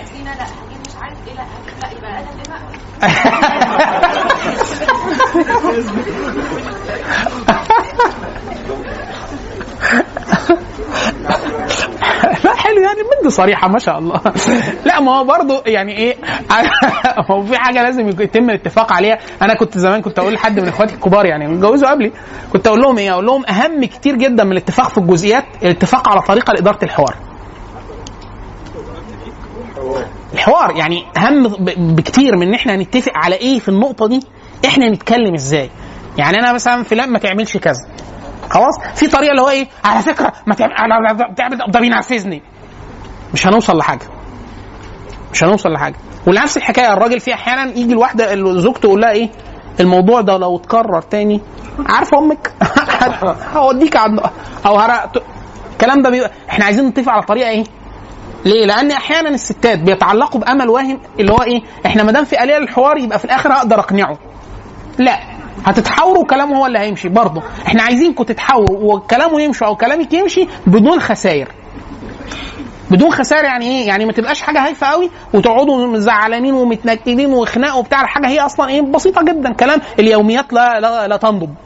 يعني هي لا تنضب ولكن تستحدث من العدم. يعني كل يوم إحنا من اول الأكل والشرب وحركة العيال والزيارات ومين يجي ومين يروح. البيت يا إخوانا البيت أي بيت عايز قدرة عالية جدا على اتخاذ القرار. يعني واحد هو بيتخذ في اليوم هيفاجئ إن هو بياخد 150 قرار في اليوم الواحد. ممكن 200 قرار 300 قرار. ليه؟ اللي هو إيه؟ آه ناكل إيه؟ نشرب إيه؟ نصرف إيه؟ مين اللي يجيب؟ بكام؟ آه أنهي شريحة مالية؟ البيت ينضف ولا ما ينضفش؟ مين ينضفه؟ الحاجة دي نظيفه ولا مش نظيفه معايير الأشياء. كل ده لو إحنا فتتناها نفاجئ إن إحنا بناخد قرارات إيه؟ كتيرة جدا في اليوم. لو إحنا ما اتفقناش على طريقة آلية آلية مش إن إحنا نوصل لحل آلية إن إحنا نخ... نخش الحاجة ونطلع من غير خسائر مش كل حاجة نضب خناقه في الآخر على إيه؟ كده يبقى 300 خناقه في اليوم يبقى إن شاء الله تطلقوا بعد ثلاث شهور ولا مش هتكملوا وأنتم مش هتجوزوا أصلا. أنتوا هتخلصوا كل خناقات الجواز في الخطوبة وإن شاء الله هتبلغوا عن بعض وكده. وهي من كتر الغيظ هتخش على أي بروفايل تبع الشرطة تقول لهم كان إخوان وبتاع وأنا رفضت. يعني برضه هتور... يعني قال لك إيه الستات برضه ما تغلبش. هتلاقي طريقة أقول لك إخوان وكان انضم لداعش بس لما بقى يعني هتلاقي طريقة تنتقم منه يعني. فهي أهم حاجة طريقة لأن إحنا النبي صلى الله عليه وسلم والصحابة هم يعني أعقل الناس وأكرم الناس وكده. لما نشوف في خلاف في خلافات ما بين زوج بين زوجاتهم في حاجات إيه؟ اللي عايزة الستات عايزين نفقة عايز أزيد. آه، يعني ده مطلب من النبي شخصيا. عايزين مش عارف إيه. سيدنا عمر بن الخطاب ليه كان التعامل مع يقول لك الستات تقللها الهدوم ما تجيبلهاش هدوم كتير وبتاع. ان عندها هدوم كتير عايزة تجرب كل واحد تخرج بيه. ما دام يبقى عايزة تخرج كتير يبقى إحنا اللي هن خلاص. وهكذا. طب ده ده, ده صحابي وسيدنا الزبير وسيدنا أسماء وفي الآخر طلقها في الآخر يعني في الآخر طلق. طب إيه ده؟ طب ما في أهو إحنا ما بنقولش ان مفيش مشاكل إحنا عايزين آلية للتعامل. آلية شرعية وآلية رحمة وود وكذا. عشان كده إحنا بنقول إيه؟ هي دي الآلية أهم من الاتفاق على الجزئيات. وإحنا ممكن طول اليوم نيجي ناخد قرارات آه، نصها يطلع آه، تيجي ما يجيش على هوا الستة مثلا والأمور تمشي ويبقوا مبسوطين. وممكن يوافقها في 80% من الحاجات والأمور ما تمشيش. ممكن يوافقها على 95% من الحاجات ويوافقها بطريقة مزعجة. يعني في رجالة صدقا يعني رجالة مزعجين جدا. اللي هو إحنا عشان كده قلنا في العقد النفسية مهمة جدا. اللي هو إيه؟ خلاص آه، هات كذا عشان نجيب للبيت. ليه؟ عشان في الآخر خد. لا ما تدهنيش أحسن. يعني إيه؟ أو أنا عايز أجيب حاجة وبتاع. يا. في واحد الرد نفسه آه، رد ترحاب والله أنا كل حاجة بتاع بس في في فلوس جاية وبتاع الرد يرضيها. أحسن من إن هو يجيب لها حاجة. وفي حد يجيب الحاجة يبقى أسوأ من إن هو جابها. آه، لا ده ده سوبرمان ده. آه برضه كمان يعني إحنا يعني إيه آه، الستات يا اخوانا يعني أنتوا عارفين الدماغ طيب. آلية دي اتفاقية آلية اتفاقية. إحنا عايزين في استني استني كان في هو يعني الكتاب لطيف مش مش وحش. أنا آه أنا نسيت حاجة أقولها. يمكن يمكن آخر حاجة نقولها والباقي أي أسئلة أو حاجة زي كده هنعملها في شكلها في فيديوهات يعني. آه إحنا اتكلمنا شوية عن فكرة سيكولوجيه الرجل والمرأة وكل واحد بيفكر إزاي وبيفهموا بعض إزاي وبتاع. وأحلنا على الكتاب بتاع النساء من المريخ وال الرجال من إيه؟ الرجال من المريخ والنساء من الزهرة. خلاص؟ إحنا أحلنا على الكتاب. اللي عامل الكتاب ده أستاذ علم نفس مشهور جدا. خلاص؟ والكتاب ناجح جدا عالميا. دايما إحنا بنقول مش كل ناجح صحيح 100% يعني الفاعلية لا تعني الصلاحية. محاولة التفريق الشديد جدا جدا من الناحية العلمية ما بين طريقة تفكير الرجل والست اللي إحنا قلناه أمثلة. خلاص؟ بس مش معناه إن إحنا كل إحنا كائنات فعلا منفصلة. فعلا تماما بنفكر بطريقة مختلفة تماما. ليه؟ لأن إحنا قلنا إن أحيانا ممكن الرجال أو الستات يتعلقوا باللي إحنا قلناه فيفسدوا على بعضهم إيه؟ الحياة. الست تقول لك إيه؟ أنا عايز راجل يفهمني. أنت ما قريتش الكتاب بتاع الرجال من المريخ والنساء من أنت شكلك جاي من عطارد يعني إيه؟ ما تفهمني يا أخي. أنت ما. مش مركب subtitle ترجمني. ترجمني شكرا. خش على جوجل. هو اللي هو إحنا بنقول كده عشان برضه أنتوا تع- تعقلوا شوية والرجال يعقلوا شوية. مش فكرة إن كل طرف يك... يعني هو فكرة إيه؟ أنا أغلط براحتي وأنت ترجم. لا. مين قال كده؟ الشرع بيقول مش كده ما يقولش كده. إحنا بنقول إن إيه؟ بنقول إن فعلا ده مرئي ومشاهد في حياة الناس بس مش بدرجه يعني الكتاب بتاع المريخ الرجال من المريخ والنساء من الزهر عيبه الأساسي الكتاب لطيف جدا في العموم عيبه الأساسي إنه ممكن يكرس عند الرجال والستات وخاصة الستات إن هو إيه؟ افهمونا بقى تقبلونا إيه؟ يجب إيه؟ مش مش مش وظيفتكم إن أنتوا تفهمونا إحنا كده. لا مش الموضوع مش كده. والعكس بالعكس الرجاله يقول لك إيه؟ أنا إديني وقت هفكر. ماشي إحنا قلنا المثال ده فعلا عشان الرجالة أحيانا بيفك كده. لكن الراجل تخيل طول السنة بيعمل كده. طول السنة بيعمل كده. إيه طب أمال هي هتقلع هتقعد معاه إمتى وتتكلم معاه إمتى وتفهمه إزاي وبتاع. فإحنا بنقول إيه؟ الإفراط الشديد جدا.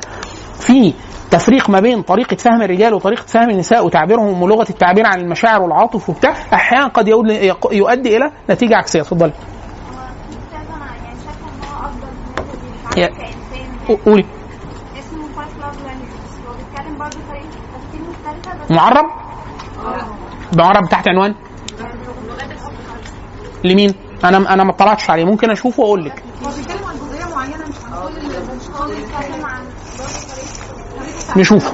عموما عموما إحنا كان كان في كتاب أحلنا عليه قبل كده اللي هو لا مش هنا. الخ- 50 أشهر 50 خرافة في علم النفس. فكان جاي الخرافه 29 ممكن ما تقروش الكتاب كله اقروا الخرافه 29 بس. اللي هي فكرة إن الرجال من المريخ والنساء من الزهر.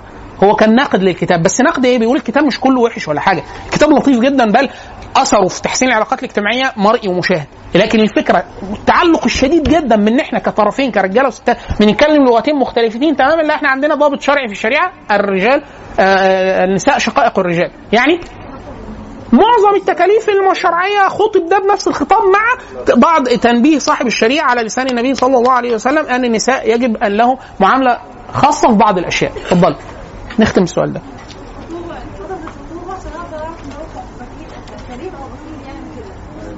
لا ما في في الخطوبة في الغالب هيبقى كريم. لو الهدايا أو الحاجات اللي غريبة هو بخيل ولا ما عندوش خبرة؟ لا في الغالب الرجالة ما عندهمش خبرة. الراجل طول عمره ما اضطرش يجيب هدايا لحد غير لما بيخطب. هجيب لمحمد زميلي هدية ليه؟ ليه؟ لو أنا هجيب له هدية هعمل إيه؟ هنزل أجيب أربع كراتين تفاح وكرتونتين رمان وخمسة كيلو سكر وتسعة. إحنا أبسط من كده يا فندم. إحنا ما- بنبدأش نبقى كائنات معقدة غير لما نخطب اللي هو لك أجيب لها إيه دي؟ أجيب لها إيه؟ ما أنت- أنتوا أنتوا برضه يعني أنتوا بتعملوا لنا تحميل هدايا الحاجات اللي هي الزيارة مثلا أول مرة داخل البيت أي مرة الحاجات دي بتحب هجيب حلويات. كنافة بسبوسة عصير. مش إحنا لو أنت هذا تسألنا إحنا حد ح- ح- لو حد التقدير في الفلسفة. إن إحنا هنجيب أبسط شيء معين اللي هو إيه؟ بوريو. ربع طن بوريو. خش بيه. يلا غرقهم بوريو. أو عصير جوينا تسعة طن. إيه؟ بسال ماما ماما تقول لك إيه؟ ماما- هتحيله ماما هتقول هقول لك هات لهم حاجة ينتفع